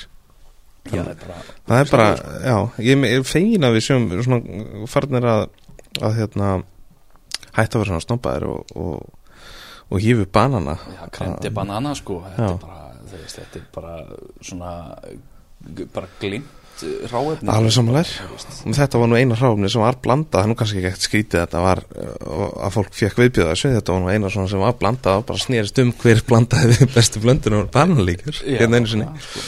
en hérna uh, einhverju aðrir spýrar sem að dettur í hug hvað með ágavíti til dæmis og brennivín? Brennivín, það er örgulega þar sem að ég er mest núna. Já, og ég er ég er dálítið sko ég er dálítið vonsvikin með sko hvað Íslendingar eru ekki að bera nógu mikla virðingu almennt séð fyrir ágavítinu sko. Mhm. bara það þú veist, ég, að þetta sé svona drikkjuhefð sem að er bara eiginlega, hvort sem hún sé bara dauð eða náðaldrei einhverjum fótfestu hérna, sko, að, þú veist, þetta er bara fagna að spýri dauðans, sko. Já, ég nefnilega með smá kenningu fyrir þessu að, sko, við erum svolítið þannig land að hlutin þurfa að vera cool erlendis fyrst. Já, og núna er ágafít einhvern veginn bara á algjöru flugi um heiminn. Margir sem bara búin að tala um það bæði hérna eins og Selma mm, uh, sem var í þættinum fyrir uh, einhverju nokkru vikum síðan hæklas barþjóðn í, í hérna New York. Mjög gaman að hlusta á hana, sko. og hérna þú veist þannig að ég, þetta hlýtur að fara að detta inn hérna að fólki finnst þetta cool. Og ég meina barþjóðn er svo sem alveg farnir að, að búa til meiri drikki úr brennivinni Já, nákvæmlega, síðan auðvitað það sem að Tóta og Teitur eru búin að vera að gera Já, með já. brennivínið hér sko og líka sérstaklega úti sko og bara erlendis að þú veist, þetta er alveg að fara á smá flug. Ég var sko, ég var á ég var á Kastrup um daginn Já. og þá var einmitt bara veist, eins og maður fyrir að geta hérna, kepla ykkur flugveld eða leifstöðuna sko og þá var kannski einhver svona smá viskibása eitthvað þannig, þarna var bara, hérna, bara allt jóla ágavítið bara með einhver 30 ágavíti hérna bara viltu ekki bara smakka eitthvað af þessu sko Já. ég var bara holy shit. Bara, ég, herru, ég, ætla bara, að fá- ég ætla bara að smakka þetta allt. Ég, ég hef svona klukkutíma fyrir flug sko þannig að Já. ég ætla að vera alveg vel sósaður sko. Já, já, en ágavíti er alveg sko mér finnst það sem að þau eru að gera þarna hjá Spirits of Iceland já, alveg ógeðslega áhugavert sko og dill ágavítið þeirra eru örugglega bara uppáhalds ágavítið mitt þessa dagana sko. Síðan auðvitað bara, þú veist, taffel hérna, Alborg taffel er líka mjög næs. Já, og hérna rúbröðs brennivínið hérna sem að þú átt smá heiður af sko, Já, já. það kom mér ógeðslega skemmtilega óvart sko. Bara þegar ég sá þetta fyrst þegar ég var á auglýsandi það var bara rúbröðs brennivín þetta þetta er svo þetta er svo mikið bara beint fyrir framann af hverju var enginn múin að setja þetta saman bara fyrir gut, 30 árum síðan sko. Væsmenn klikkar ekki. Væsmann klikkar ekki sko, þegar kemur að brennivíninu sko. en já, mér svona og eins mikið mér finnst það vandi meiri að þess að hefðað svona skála í ákavíti með, þú veist, í veislum Já. og svona, þetta er svo mikið fagnaðspýri Að og þetta er miklu meira á Norrlöndunum heldur en hér. Já, þú veist, á Norrlöndunum þú sér þetta bara ákavít allstaðar og bara, þú veist, bara margir úti sem er að gera frábæra hluti eins og hérna það er, man ekki hvað er heita það er, hérna, það er ekki kjöröti stílir í, í Finnlandi, það er hérna akar ég man ekki nákvæmlega hvað heitir en þeir eru allavega, þeir eru að gera fárálega gott ákavítið þar, sko. Og bara öll lína þeirra ég bara synda, man, man ekki nafni á þeim svona í flýti. En síðan er líka hérna, brótumssnaps mjög gott. Og veist, það er bara endalist af þessu sko. ég var að taka einhvað saman hérna Já, hversu mikið ákaviti ég geti svona keift inn bara svona í einu og hér á landi erum við með hvað 28 mismunandi sem eru í bóði bara núna. Já, og það er eitt sem að hérna er að fara að koma núna eftir áramót sem að á eftir að vera mjög áhugavert sko. Ok. Og hérna uh, síðan eru eitthvað sko einhver 70 önnur sem eru bara hérna í Norrlundum sem getur bara fengið á netinu Já, sko, bara. já, og þetta er eitthvað sem að maður mætti alveg fara að grúska miklu meira í sko. Mhm. og það er bara svona, mér finnst þetta daldið vannmetið það er svona lítið bara, það er bara brennivínið já, og búið. Já, já. en það er bara, það er miklu meira í þessu sem bara er hægt að fara endalist í þetta sko. Og Ég held líka bara fólk sé ennþá að læra að, að, brennivín er ágaviti. Já, einmitt sko, ég, þannig. ég er búin að reyna að útskýra þetta fyrir vinnumunum sko, það er alveg bara, þú veist félagið mér var ekki að fatta að hann held bara að brennivín væri bara út af fyrir sig bara, nei, þetta er ágavíti hérna, eins og þetta og gaf hann smökka einhverjum nokkur og hann bara eitthvað ha, okkur er engin búin að segja þetta? Stendur á flöskunni sko, brennivín, ágavíti drekkist ískalt. Já, já. Þetta er skemmtilegt. En hins vegar allir ég samt sko líka að gefa sjátt á þetta og ég, hérna, ég er þetta dálítið mikið inn í púrtvín þess að dana Já, ég var á, var á púrtvínsbarnum í Kaupmannahöfn. Ok. Sem var alveg upplifun sko að komast að svona, ég hef alltaf bara drukkið og svona okkur lítið með eftirrétt eða einhver svona. Ömmitt síðan var maður að komið þarna og þá var bara held í bara, bara vinglans hérna að búrtvinni bara 150 millilítrar eða eitthvað. Og það er bara drukkið það eins og ekkert sé sko. Og, og þá uppgötaði ég með þetta rósavínspúrtvíni til. Já, og rósavínspúrtvíni er bara eitt styrlaðasta dæmi sem ég smakkaði bara í langa tíma sko.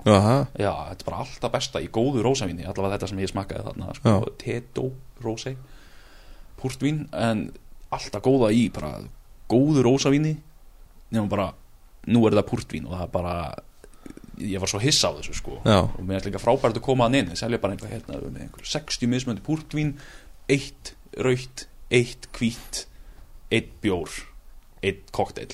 Sem bara ólifur eða snakk. Og alveg bara svona uh, ok, það er bara þú ert komin inn til þess að drekka púrtvín við erum hitt bara svona, eh, ef að þú ert leðilegur skilur og vilt ekki drekka púrtvín þá máttu, já. máttu alveg fá þér eitt bjór hérna við með einhvern skítalagir í flösku sko en Hva, Hvað var þetta, Heru, Þetta var bara í kaupanahöfn, ég maður ekki já. hvað gatan heitir þetta, hann heitir bara Púrtvinsbarinn Já, ok. Og bara þeir sem er farið til kaupanahöfnar þá mæli ég með því sko. Já, og síðan bara hinum meginn í götunni er uh, tíki bara sem heitir Brass Monkey og er bara geggjuð stemmingana sko. Já, þannig sko talað um portvin þá ætlum ég að hendi sjátt á því að eh, inn á Facebook síðu Væsmann er eh, síðasti aðvenduleikurinn í gangi og þar er einmitt portvin. ó, geggjað. Þannig að uh, tekja á því og skráða ykkur til leiks. Já, ég, ég væri til í að sjá meira púrtvinni sko í gangi núna sko. Já, og ég held líka bara að sko bæði portvin og sherry það er uh, bara að gera endurkomu í koktelum sko, búið að gera Já, já, og við erum, held ég, við mun sjá meira af því hérna heima á, á næstunni. Uh, en höldum okkur bara í léttvinnsteldinni mm. það tökum fyrst þetta líkjura Já. hvað erum við að tala um þar? Ég er auðvitað alltaf alltaf opinn fyrir að smakka einhvern skemmtilegan kaffi líkjör sko það verður örugglega svona það fyrsta sem er dettur í hug þegar einhver segir líkjör þá er það kaffi líkjör sko. -hmm. og þessa dagana er það þessi kaffi bebo. Hérna, hann er ógislega góður. Og hérna en annars ég bara ég held að líkjörinn sem að ég notur örugglega bara sem mest og er svona minn go to það er öruglega bara triple sec, bara kontru nér, bara svona klassíst, bara hérna, appelsínu líkjör sko, Mm bara ótrúlega hversu mikið hann passar inn í bara ótrúlega aðstæður sko. Uh, mandarinn Napoleon er ógeðslega góður sko. Já, sætla minninga. Já, það er einmitt hérna uh, við ætlum að það er sko drikkur sem heitir Bonaparte mm sem er ógeðslega góður sko. Það er bara bara einn og halvur af hérna eða þú veist svona 40 millilitrar af mandarinn Napoleon Já. toppað upp með bara í hái glasi fullt af klukkum toppað með sótavatni síðan fleitur espresso á topp. Geggjaðu drikkur sko. Ok. Bara þetta er svona eins og hérna espresso tónikin eða bara með smá áfengi sko. Já, já, og að gera hann með tónik líka er bara ógeðslega gott sko. Ok.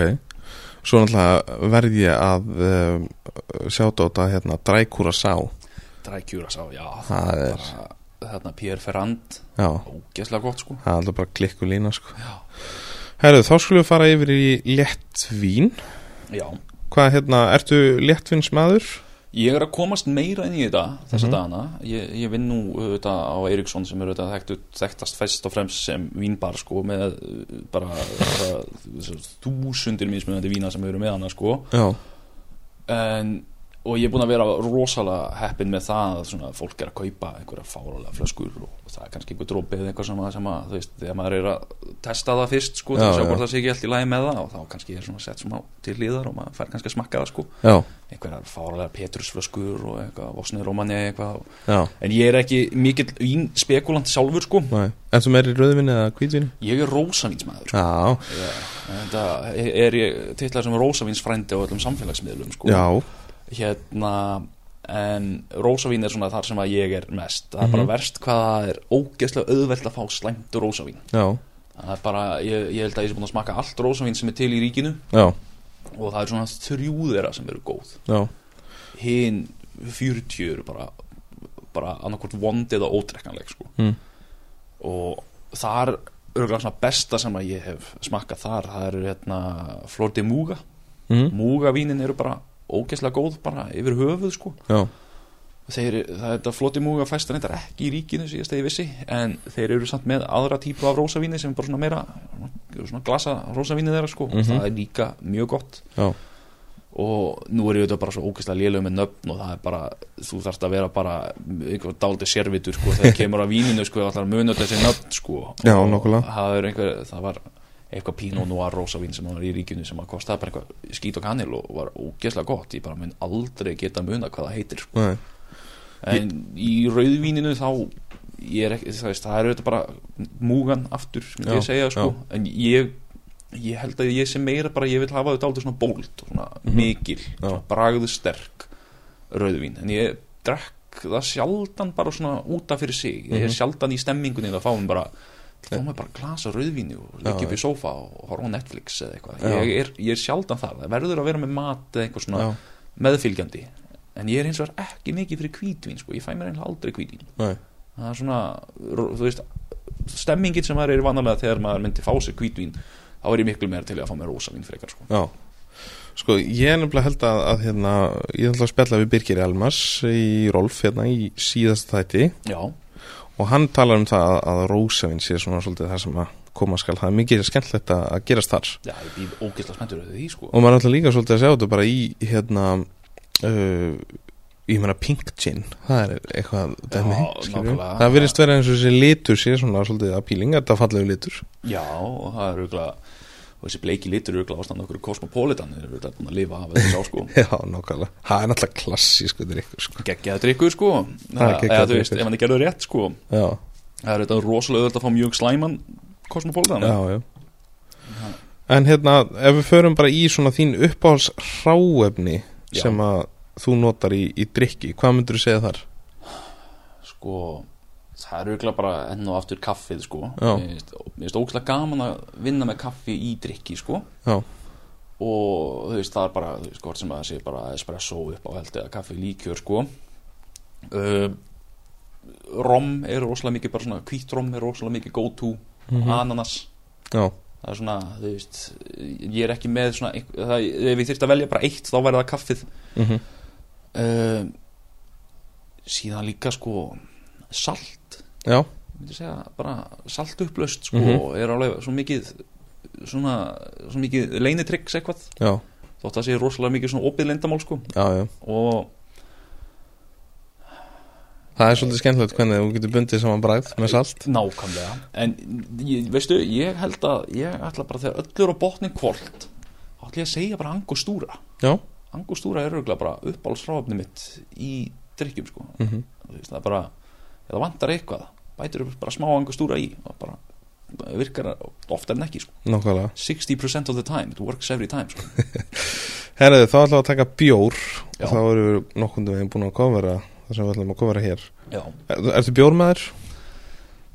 Ég var miklu meiri bjórmaður en ég er þess að dana sko. Já. Þetta, þegar maður var með Fredriksen að þá hérna Ná, kannski er þetta að komast í hjá því.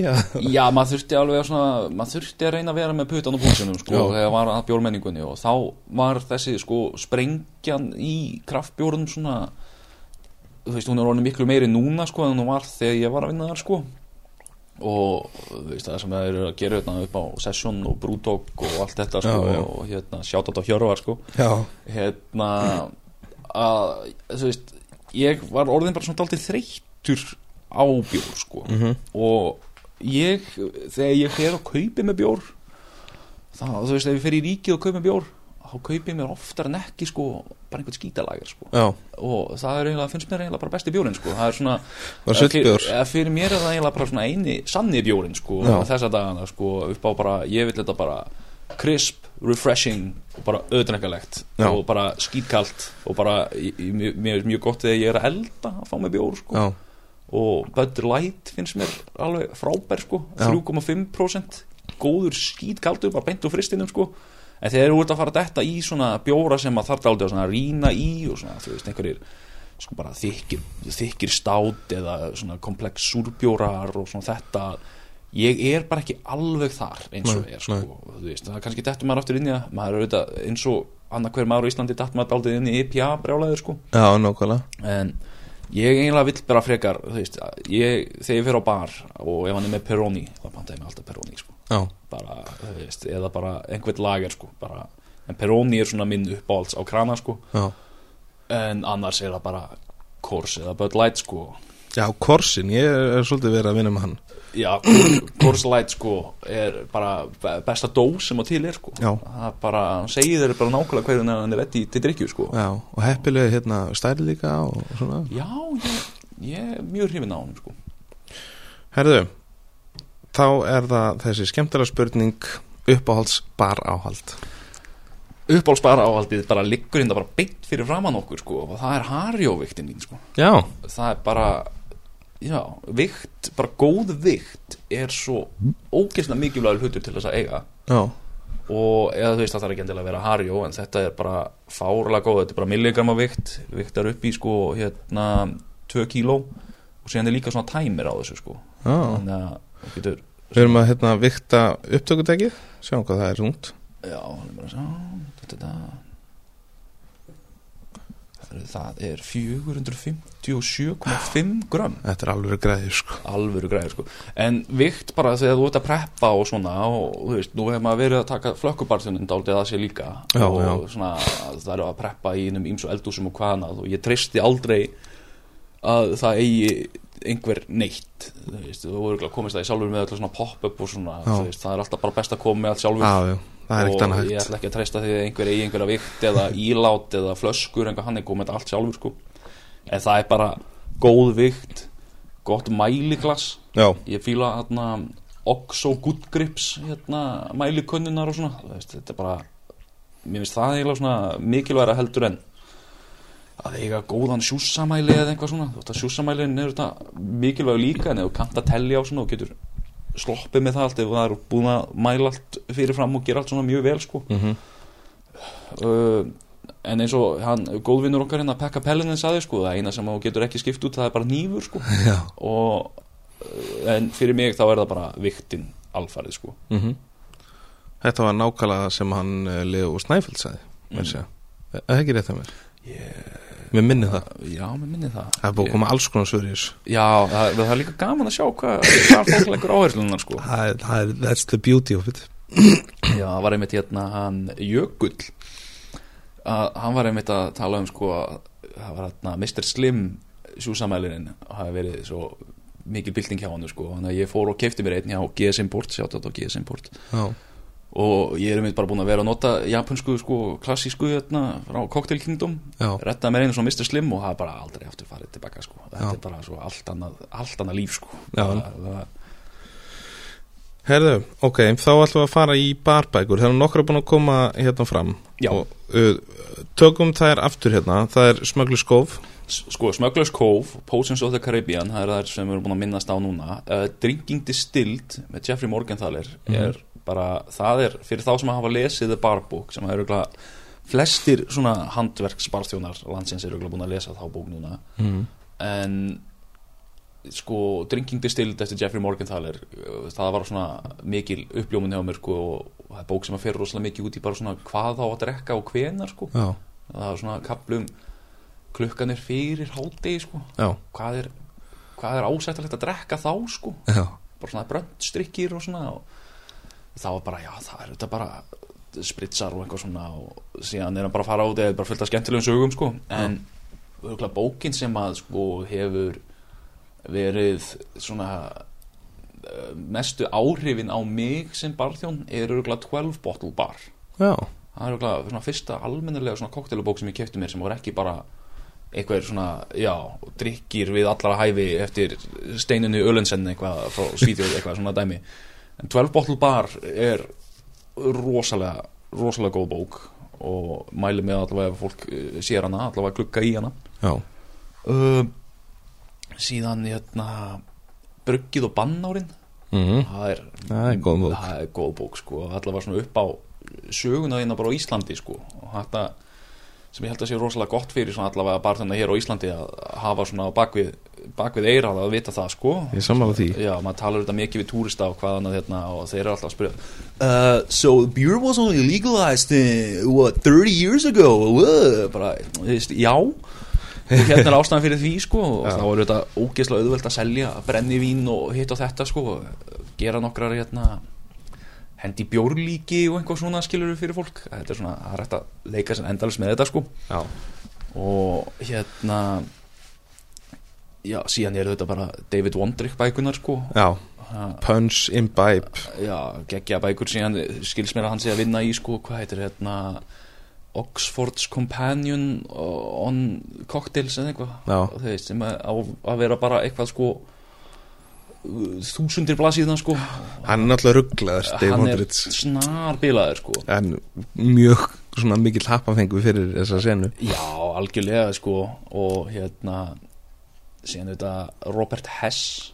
Hann er þetta hann sem er hérna er einhver Museum of the American Cocktail. Já, mitt og er með hérna hann var með YouTube þætti sem heitir hérna Cocktail Spirit with Robert Hess. Já, og hann er auðvitað skelvilegu barþjótt sko en hann veit ógeðslega mikið um drikki sko og mæli með ef þið hafið áhuga á koktel og sögu og svona þá tekur hann það svona lauslega fyrir í þeim þáttum sko. Já, og en já það er svona það er alveg fullt af bókum sem er alveg skemmtilegt með þetta sko. En ég er, ég er sjálfur miklu meira fyrir sko hérna fyrir svona sögubækunar frekar en hérna frekar en svona uppskriftabækur. Mhm, Þú veist, síðan þetta Flavor Bible eru þetta geggjuð sko. Mhm.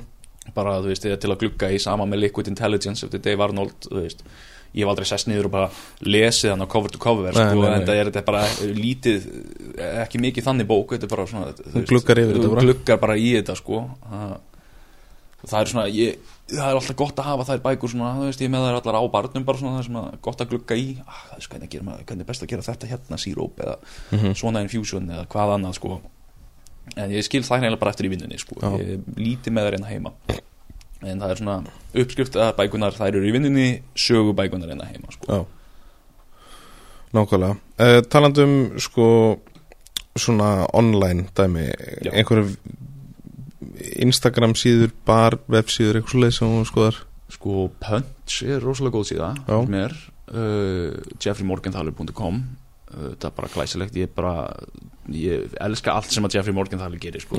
Frábær penni sko. en ég finnst alltaf vannmetið sko hérna, en mér finnst fólk lítið tala um það þú veist, BCB og allt þetta dæmið þetta er allt með YouTube síður sko. Já, það eru sko hundruði af flottum fyrirlestrum á YouTube sko, Já, ég, já. sem ég er búin að vera að leggja yfir núna undarfarið sko já frá Berlín Barkomment bara Berlín Barkovent síðan eitthvað 2015 það er fullt af einhverjum Já, fyrirlesturum og hann að Por Imposium það var líka einhver sem var að posta því öllu inn á YouTube og svona. Það er náttúrulega Alex Kratina og, Monika Berg sem er náttúrulega mjög svona profílik uh, barþjónar í dag. Ég mitt, mér finnst bara að fyndið að maður dettur inn á þetta. Þetta er bara klukkutíma langur fyrirlestur skilju bara alveg eins og að vera annan eða bara, bara pop og kókina heima þegar skilju og síðan er þetta bara með einhver 400 views eða eitthvað og það er bara, þú veist, af hverju er fólk ekki bara on this, Já, já. skilur það er bara ógeðslega mikið á góðu efni á YouTube en þú veist, þú þarft svona nokkuð einn að vita hvað þú ert að leita sko. já, og ég er svona ég er ekki mikið fyrir þessi bara svona, þú veist, nú stendi hérna halló, nú ætlum við að gera þennan Mér veist, það er þetta svona, þú veist, jú, jú, það er alveg fínt, þú veist, að sjá þegar maður er svona spá í einhverjum einum drikk, að sjá Mhm. hvernig er fólk að gera þetta, sko. En það er ekki svona mymbundin sem að ég Nei. leitast endilega af, sko. Ég, það er hérna seria af greinum inn á Punch sem að heitir hérna Mastering It Já, og sem að bara taka eitt barþjón fyrir og þá er einhvern bara svona drikkur sem að þau telja sig verið búin að mastera. Mhm. Þannig að Erik Castro hérna, tók fyrir Pina Colada uppskriftina sína já, svona hinn og þessir hérna, Beach Bum Berry aftur með hérna, með Daiquiri já og hérna Missionaries Downfall og svona. Veist, það er mjög áhugavert að sjá bara svona þú veist drikki sem að fólk er búin að vera svona að obsessa sig yfir mhm, og svona bara að tala mikið um það. Og það finnst mér alltaf mjög áhugavert mhm, mhm. Samála um, Einhver podcast svona fyrir utan alltaf happy hour auðvitað? Ég er ekki búin þetta mikið inn á svona hérna svona veitingageira podcast sko. Það er þetta Cooking Issues með Dave Arnold. Það er örugglega svona það eina sem að ég hef dottið almennilega inn í sko. Og stundum þá bara svona skoða maður bara þú veist einstaka barþjón og svona mm Mhm. fer bara í podcast appið og leitar því og sé hvort að hann sé búin að vera gestur í einhverju hinn Já, og þessu. já, en ég er ekki með mikið á svona veitingageira podcastum annað en bara Happy Hour með Væsmann Já, nákvæmlega. Já, en það þarf maður ekkert annað. Maður þarf lítið annað en bara Happy Hour með Væsmann sko. Nákvæmlega. Herðu, uh, förum í sko uh, svona uppálsbarir á Íslandi. Já. Mm, og ekkert endilega bara koktel bara, það getur verið bara hvaða hvað bar sem er sko. Sko, ég, ég ætla auðvitað að segja bara, þú veist, Fredriksen er auðvitað rosalega mikið mér kær og svona heimabarinn minn. Mhm. en ef við ætlum að tala um aðra bari þá er sko tíu sopar. Já, geggjaði bar sko. Vínstúkan tíu sopar síðan uh, ég, ég er mjög hrifin af Ölstofinni sko. Já. Ölstofa Kormarsson Skjaldar. Sjátt á það sko, geggjaði bar.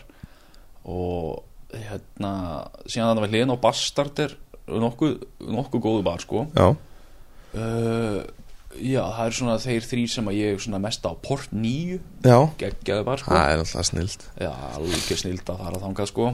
Hérna og uh, það er alveg veist, það er ógæslega mikið af góðum börum minna á Íslandi núna sko, það er alveg bara hálfa værið nóg sko, þetta jungle þegar maður er að fara í koktel, það er þetta örgulega bara, bara stjörnulið bara barþjóna þar sko, bara landslið barþjóna bara komið hana saman á eitt stað sko. Apotekið auðvitað líka sko. Alveg mjög flott place. Og hérna og bara svo grúpa bara allt sem að þeir eru að gera hana með Susi Social og Fjallkonuna og Já. allt þetta dæmið sko, tapasbarinn líka geggjað stöf sem að þeir allir að gera sko, þannig að mér finnst svona nú til dags held ég að sé bara að þetta er aldrei erfiðar að fá slæman drikk heldur en veist það er bara mjög erfitt að fá slæman drikk núna sko. Þú veist, það er bara nánast hver einasti staður er komið með einhvern svona gúrú á bakvið barinn sem að veit hvað hann er að gera sko. já, nákvæmlega. Og svo public house mjög geggjaði drikkið þar. En já, svona staðin sem að ég fer mest á er samt bara tíu sopar og hérna Fredriksen og er svona, þú- og Bastard, þú getur fundið mig á einhverjum að þessum fjórum stöðum sko, Já, já. þegar ég er búin á vakt sko.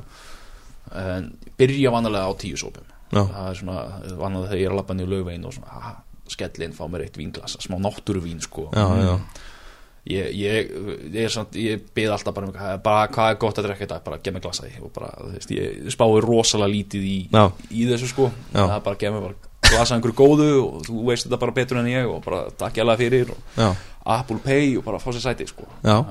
Það er mjög, mjög skemmtilegt, það er svona bara, leita kannski meira bara í stemningunum, komfortið þar. Já, það er bara, ég veist að það er geggja place sem þeir eru búin að setja upp að strákanir sko. Já, samanlega því. Mm. Herðu, uh, barir Erlendis? Sko uh, Púrtvínsbarinn Já. var alveg geggjaður og Brassmongi þeir tveir hérna í Kaupanahöfn eru svona þeir sem setja svona ferskast í minni mínu. Mm -hmm. uh, Mother of Pearl og Amoria Margo í New York. Já, þeir eru með hlið við hlið sko. Einmitt. Og Mother of Pearl eru besti tíkibar sem að ég hef farið á. Já, bara, hefur þú farið eða? nei, ég mæli alveg ógeðslega mikið með honum sko. Að þetta er svona, hann er ekkert sérstaklega stór sko. Nei. En þetta er, þetta er ekki eins og þinn hefbundi svona tíki bara svona sjúklega kitschy svona þú veist það eru pálmatri út um allt og þannig. Já, heldur þetta, sti- þetta er svona sett meira upp sko eins og hérna þetta sé hótelbar á svona fimmstjórnu hóteli í Hawaii sko. Já, ok. Svona sett upp þannig sko þetta er alveg geggja svona fancy og flott play sko geggja drikkir og það mér fannst það ógeðslega skemmtileg uppsetning það voru sko þetta var bara eitt svona gæi sem var bara í salunum sko hann var bara þjónandi bors og fara með drikki og taka pantanir og svona.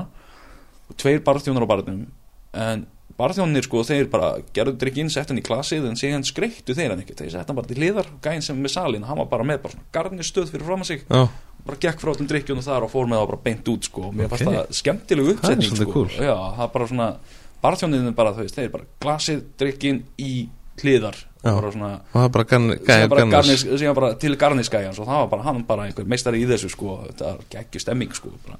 Það er geggjað svona þrýr samúa gæjar sko, alveg hana, bara risa stórir kallar sko, í Hawaii-skirtum og bara geggju stemming sko. Já, og síðan bara einmitt við hliðin á er Amoria Margo eða var allavega, við skilst þessu búin að færa sig já, en þessa dagana.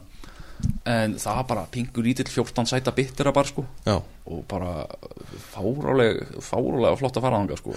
Hann er alltaf búin að fá svakalega mikla umfjöllun Erlendis. Já, þetta er svona ég fíla svona konceptbari mm -hmm. svona, já, þú veist, ég fíla þegar að sko barir setja reglur Mm upp á það bara svona já, við erum bara bittera bara -hmm. þú veist, hérna upp á hérna bakbarnum okkar eru við með sko bara, við erum með bara eitthvað hundrað mismunandi Amaroa og Bittera og hitt og þetta Mhm. síðan hérna niður erum við með, þú veist, við erum með eina gínflösku eina viskiflösku Já, það er já. bara svona, þú veist, við erum ekkert að auglýsa það að þú ert ekkert komin inn út af viskíun okkar skilur, þú veist, það er bara, við notum það bara í old fashionin eða eitthvað þannig þú veist, já. eða Manhattan.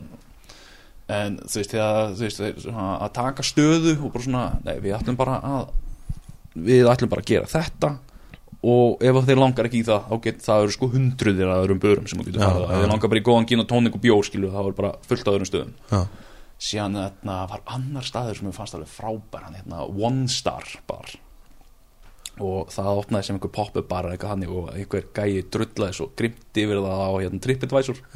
Að þegar þau svona fundu sér svona bólfestu og svona opnuðu bara barinn út af fyrir sig sko bara svona alveg stabílt skýrðu það á One Star bar eftir þessu hérna einna stjórnu reviewi.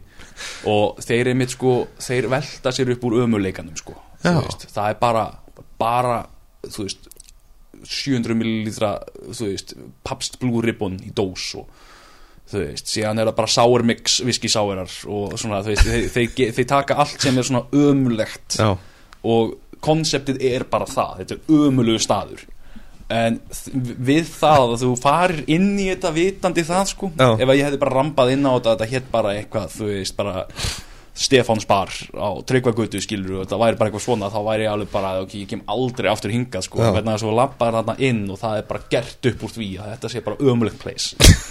Það- Brilliant, sko. mér, fannst það bara briljant. Þetta hlýtur að vera í New York líka. Þetta er í New York Já, já, sko, þetta er í einhverju pingulitlu útibúið þarna, þú veist, og það er bara þú veist flúor eða svona, hérna, flúorperur eitthvað sem að blikka og svona einir er svona ekki nógu vel sett í og svona eh, bara ömulegt dæmi sko. Og síðan ferðu þarna og bara kaupið sko bara bjórdósa á þú veist tvo dali eða eitthvað þannig og þú veist, þetta er bara svona ræjódýrt og ömulegt sko. Ein, það er engin fersk appelsín á þarna sko. Veist, það er bara, það er bara marasín og kirsubir sko þessi neonrauðu sko. Já, já, já. og veist, það er bara það er svona eins handverk sem þú færið þarna sko. Geðveikt. Mæli, mæli með allavega, ég veit ekki hvort það sé ennþá í gangi eða ekki sko, hérna ég, ég mæli með ef það er að rölda í New York og, og sjáu hann og fara inn á hann sko. Hérna, síðan var hérna Römbar hérna, sem að er þarna á Broadway. Já, og það er einmitt svona go to barinn í New York sko ef þú ert að fara hérna í leikhús. Mhm, fórum hérna ég og, og kærastan fórum hérna til New York og vorum að fara á hérna Book of Mormon og þá myndi hinn með guðna var Römhás sko mhm og það fekk ég bara einn styrluðustu útgáfa Pina Colada sem ég fengið sko fyrir utan hérna sem að þið voru með hérna á rítilkoktelikeppninni hérna, já. þessi, hérna mjölkutvegni hann var alveg geggjaður en þarna voru við með sko Pina Colada með þurrum vermúð og eitthvað fullt af Já, einhverju ok. skemmtilegu dóti í sko og bara serverar í bara viskiklasi með stórum klakka og bara geggjaði elegant sko og þetta var svona þvílitt elegant bar og svona þú veist leður sæti mikil og Já, svona já. gamall viður bara mjög flottu bar sko.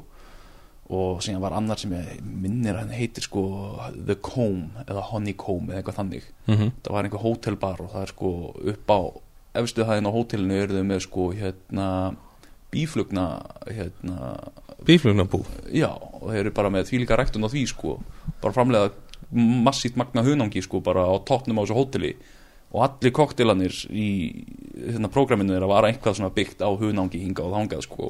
Það og það var einmitt bara cool. að fá hérna bís nýs þar var þetta bara styrklað sko. Já, og veist, allt með einhver svona gildum svona gildum koktelapinnum og rörum og Já, allt svona Svona fancy fancy, sko. rándýrt samt en það ég alveg tók það á mig sko það var upplifun að fara ángað ég bara man ekki nákvæmlega hvað hann heitir en Við hendum því inn í, við vorum búin að finna það fyrir um- umfjölduna já við, við finnum þetta við, við, við verðum með hérna bara teimi af fólki að, að finna þessi nöfn sem ég er búin að gleyma Nákvæmlega. En hérna, sko, ef við förum í spurningu frá uh, honum Hlinn úr síðasta þættar hristaranum, mm. hann spurði hvaða bar erlendis værið þú til í að vinna á? hvaða bar Erlendis var ég til í að vinna á Já. Það er skemmtileg spurning, sko. þetta, þetta er mjög skemmtileg spurning sko og hérna ég myndi örgulega að segja Mother of Pearl væri örgulega bara eins og ég held að ég geti Já, alveg rokkað sko. Það var mjög skemmtilegt að fara þangað og ég held að það geti verið alveg stemming sko. Hvort sem maður væri á baku baðurinn eða hvort maður væri bara á garninstöðinni eða hvað annað sko. Bara, ég held að það væri alveg alveg geggjað sko. En hérna já, það er alltaf svona fyrsti sem er dettur í hug sko, það Ok. væri alltaf bara einhver svona þú veist, nú hef ég aldrei farað en ég væri alveg örgulega til að taka bara eina vakt á smöglegs kóf bara sem eitthvað barback eða eitthvað bara svona já, já. þú veist, eh, að fara bara í eitthvað svona brjálæði skilur við bara, þú veist, að ég var alveg til að prófa bara til að vera barback bara á Amerikan bar eða eitthvað hérna. Savoy og bara skýta upp á bak og vera bara rekin eftir eina vakt skilur við bara veist, það væri alveg upplifun en ef ég myndi fara bara svona full time bara, þú veist, ég er að vinna á þessum bar þá væri það örgulega mother of pearl. Já, bara gera hérna hákalla koktelendir á einhver svona bara Já. geggjað, sko. og hérna þú ætla að núna það sem eftir er að þessu hérna, þessu þætti að hugsa einhverja spurningu fyrir næsta aðlega í hristanum hún hefur, hefur smá tíma. Já, ég, ég er með þessa spurningu sko. Hún er bara ready to go sko. Ok, ef að hendinni út bara núna Já, ég, þetta er mjög klassísk svona atvinnu viðtals hérna, spurning og Ok. það er bara sko ég, ég vil eiginlega bara hreinskilið svar frá hérna, viðkomandi? Já, viðkomandi er bara hver er þín veikasti hlekkur sem barþjón Já. Ok, Já, það verður spennandi að sjá hver fær þá, spurningu í mannkjölu hver það er. Já, það er bara hver er þín veikasti hlekkur? Sem barþjótt þá. Sem barþjón sko. Ok, það er bara hvar getur þú í atvinnulífinu svona orðið betri? Ok Herðu, þá ætlum við að uh, uh, fara í um, eina spurningu hérna. Já, áður við fyrir í svona trend. Uh, hvaða barþjónar hafa veitt þér innblástur í gegnum tíðina? Þetta Jeffrey Morgenthaler er örgulega sá sem að veitir mér svona mest. Svona, hann er eini utanumkomandi sem ég hef svona litið mikið svona upp til og svona alveg veist. Ég uh, fíla þetta sko upp og að það er svona hann er alveg þekktur í bransanum hann er samt engin svona stjörnu bara þjóttn sem við oft talað um sko. Hann er ennþá bara fullu starfi á barnum og svona og Já, ég fíla alveg það svona attitút hjá honum sko. Síðan hérna ef við ætlum að tala hérna innanlands þá er örgulega sko Jónmundur er örgulega bara bara flottasti barþjón landsins finnst mér þessa dagana sko. Já, og bara, já, það er svona alveg vist, vist innspó hérna frá honum sko. Já, þú veist, upp að bara að horfa á hann skilur bara er alveg í keppnum og svona þetta er bara fáralegt sko. Já, veist, bara, hann er með flotta rekord og hann er hann náttúrulega mjög flotta ferilskrá sko, hann, það er oft þegar maður sé bara hann er að keppa, þá er alveg bara ah, ég, sko, sko, ég, bara, ég, veist, ok, nú er ég bara að taka þátt til þess að fylla í skarðið sko. En já, það er svona Jónmundur er örugglega flottasti barþjóð sem að Íslandi er með bara þessa dagana sko. Uh, utan þá var það Jeffrey Morgan það er Erik Castro er auðvitað mjög, mjög flottur sko. Og sjátt á það að Hungry Bartender podcastið sko. Já, það er já. þetta hitt podcastið sem ég hef hlust á sko. Já. Uh, en já, síðan er það kannski meira bara eins og David Wondrick og Robert Hess þessu svona sagtfræði gæjanir það er svona í rauninni það sem að veitir manni meiri innblástur heldur en aðrir barþjónar per se sko.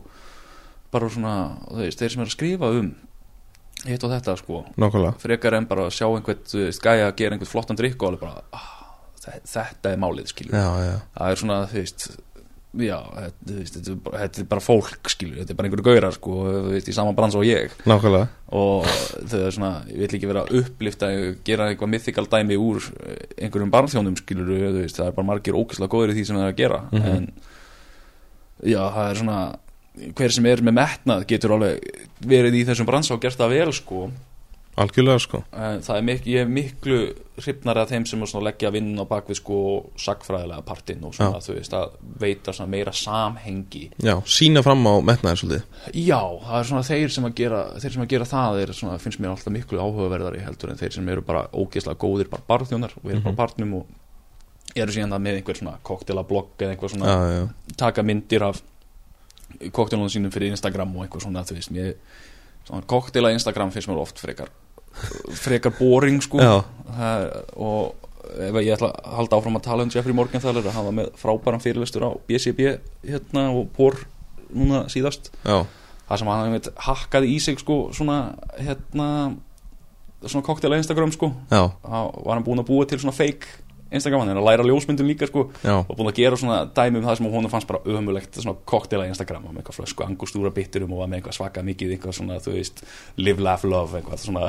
lýsingu á það undir sko en það er svona, þú veist þegar fólk er að, þú veist eins og hann segir að hérna, þú veist, það er svona setja eitthvað í community, sko, þú veist, að upplifta þessu á einhvern hátt, sko, ef þú veist að setja eitthvað þarna út, sko, mm. -hmm.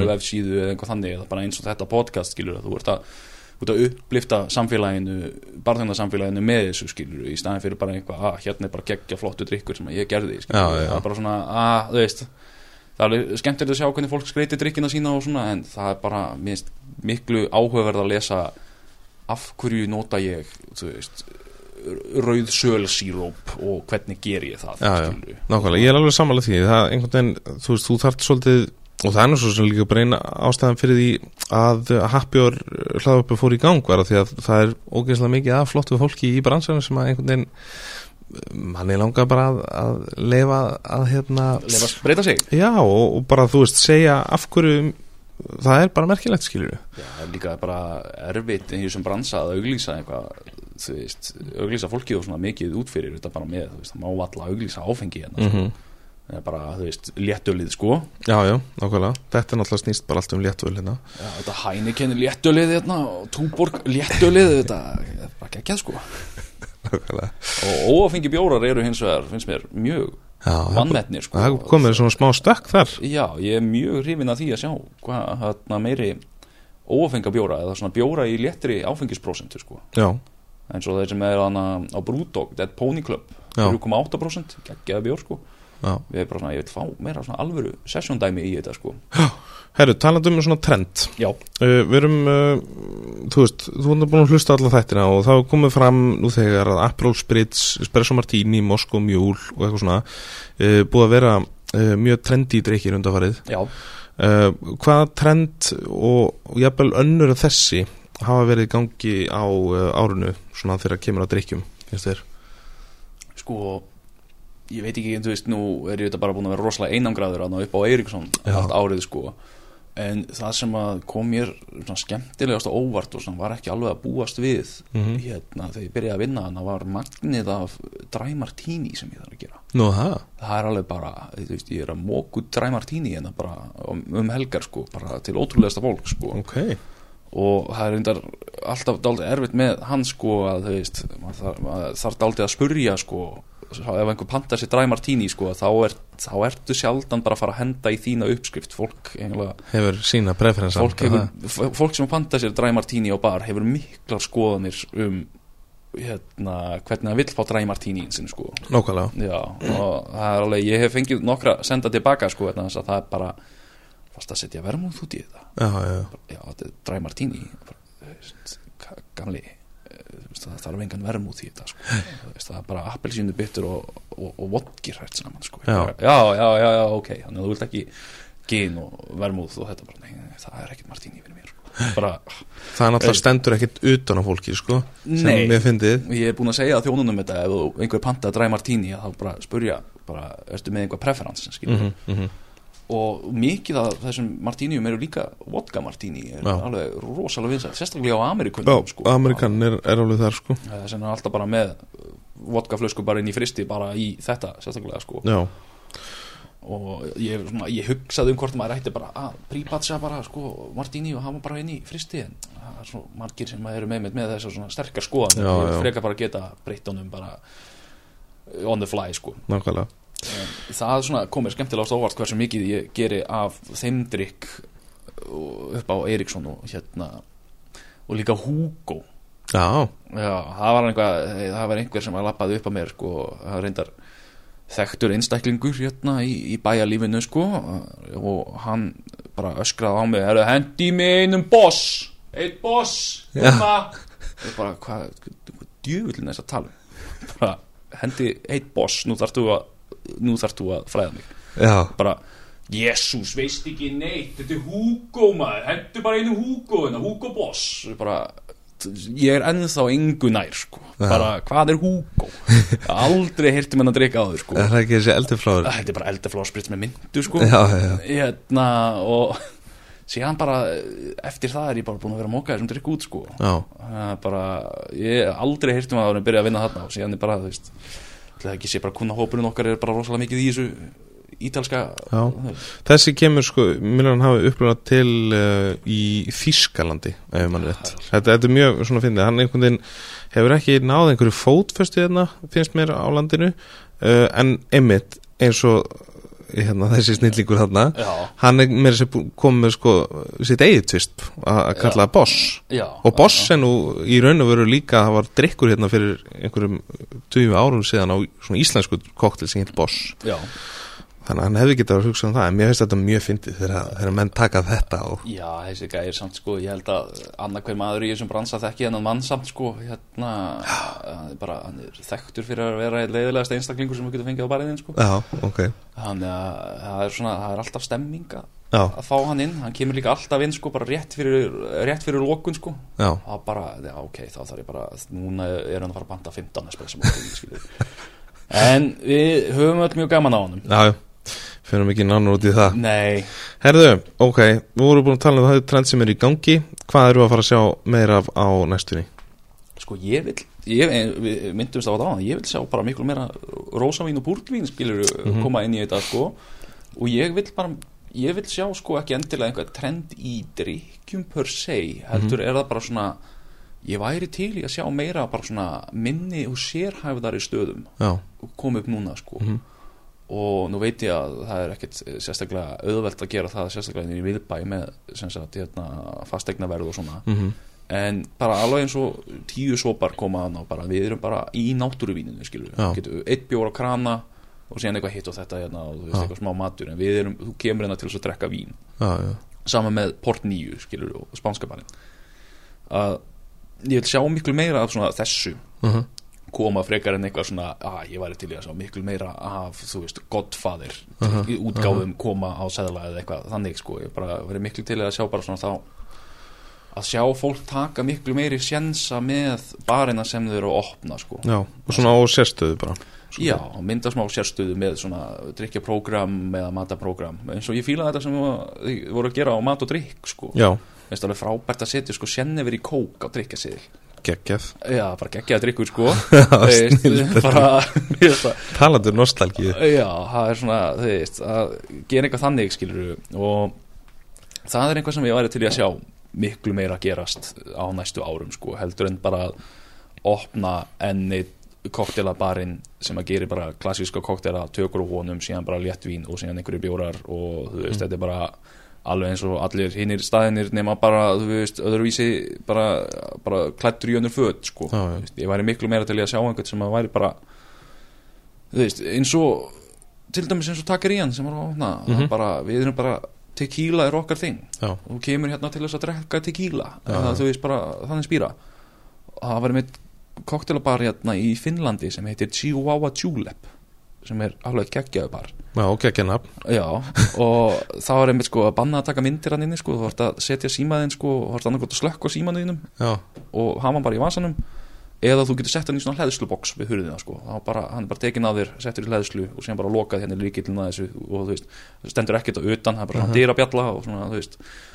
Og hérna, ég lappaði fram í þessum bara svona fjóru sinnum, þú veist, að reyna að finna, vinkon mín var þar sko, ég var að reyna að finna hvar Janskotunum var sko, og ég lappaði sko bara fram og tilbaka á göttuna og báði dýraverðinir sem sett á hinum endunum sem voru á já. þeim stöðum. Bara, nei, nei, hann er hérna, öldi lengra miðja göttuna, ha, ok, lappa komin í hinn endan, sendið fram, fram og tilbaka og eitthvað svona. En já, þau eru með, með enga hvítaspýra já, ekkert gín, engin vodki ekkert, ekkert silfur tequila ekkert ekkert hvítróm og veist, það er bara þeir kerðu dálítið á sko bara allt sem hefur farið í tunnu já, er okkar stöf ok. Og það var bara mér, ég fannst það alveg svona dálítið flott statement sko. Já, það var bara svona, þú veist hérna, ég ætla að fá gin og tónik ekki hérna kallið minn sko.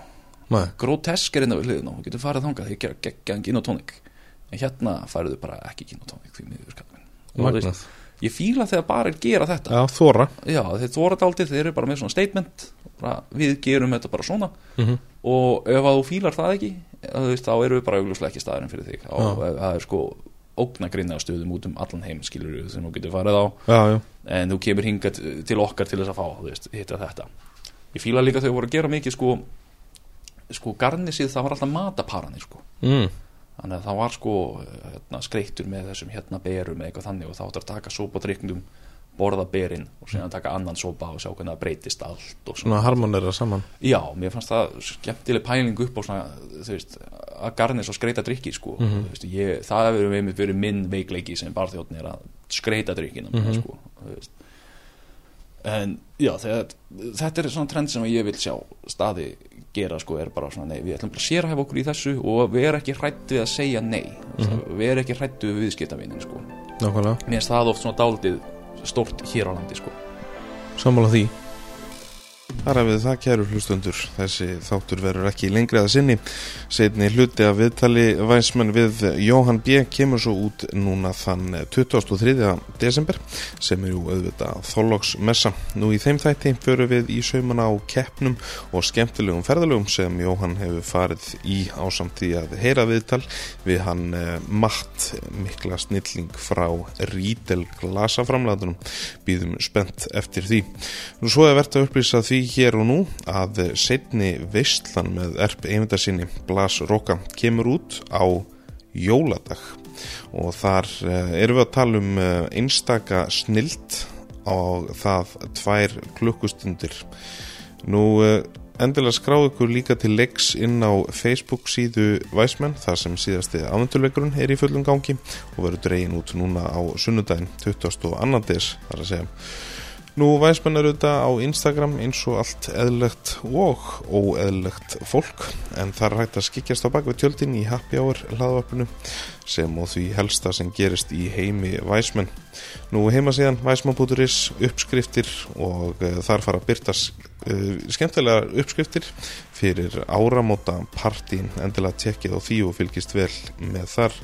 Uh, minni á að Happy Hour uh, má nálgast á Spotify og öllum helstu hlaðaps veitum og ef þið uh, söskræpið þar þá fáið þið notification þegar nýjir þættir detta þar inn. En þangar til næst eigið þið góða helgi og hýrumst aftur á Þólós messu Wise Men Out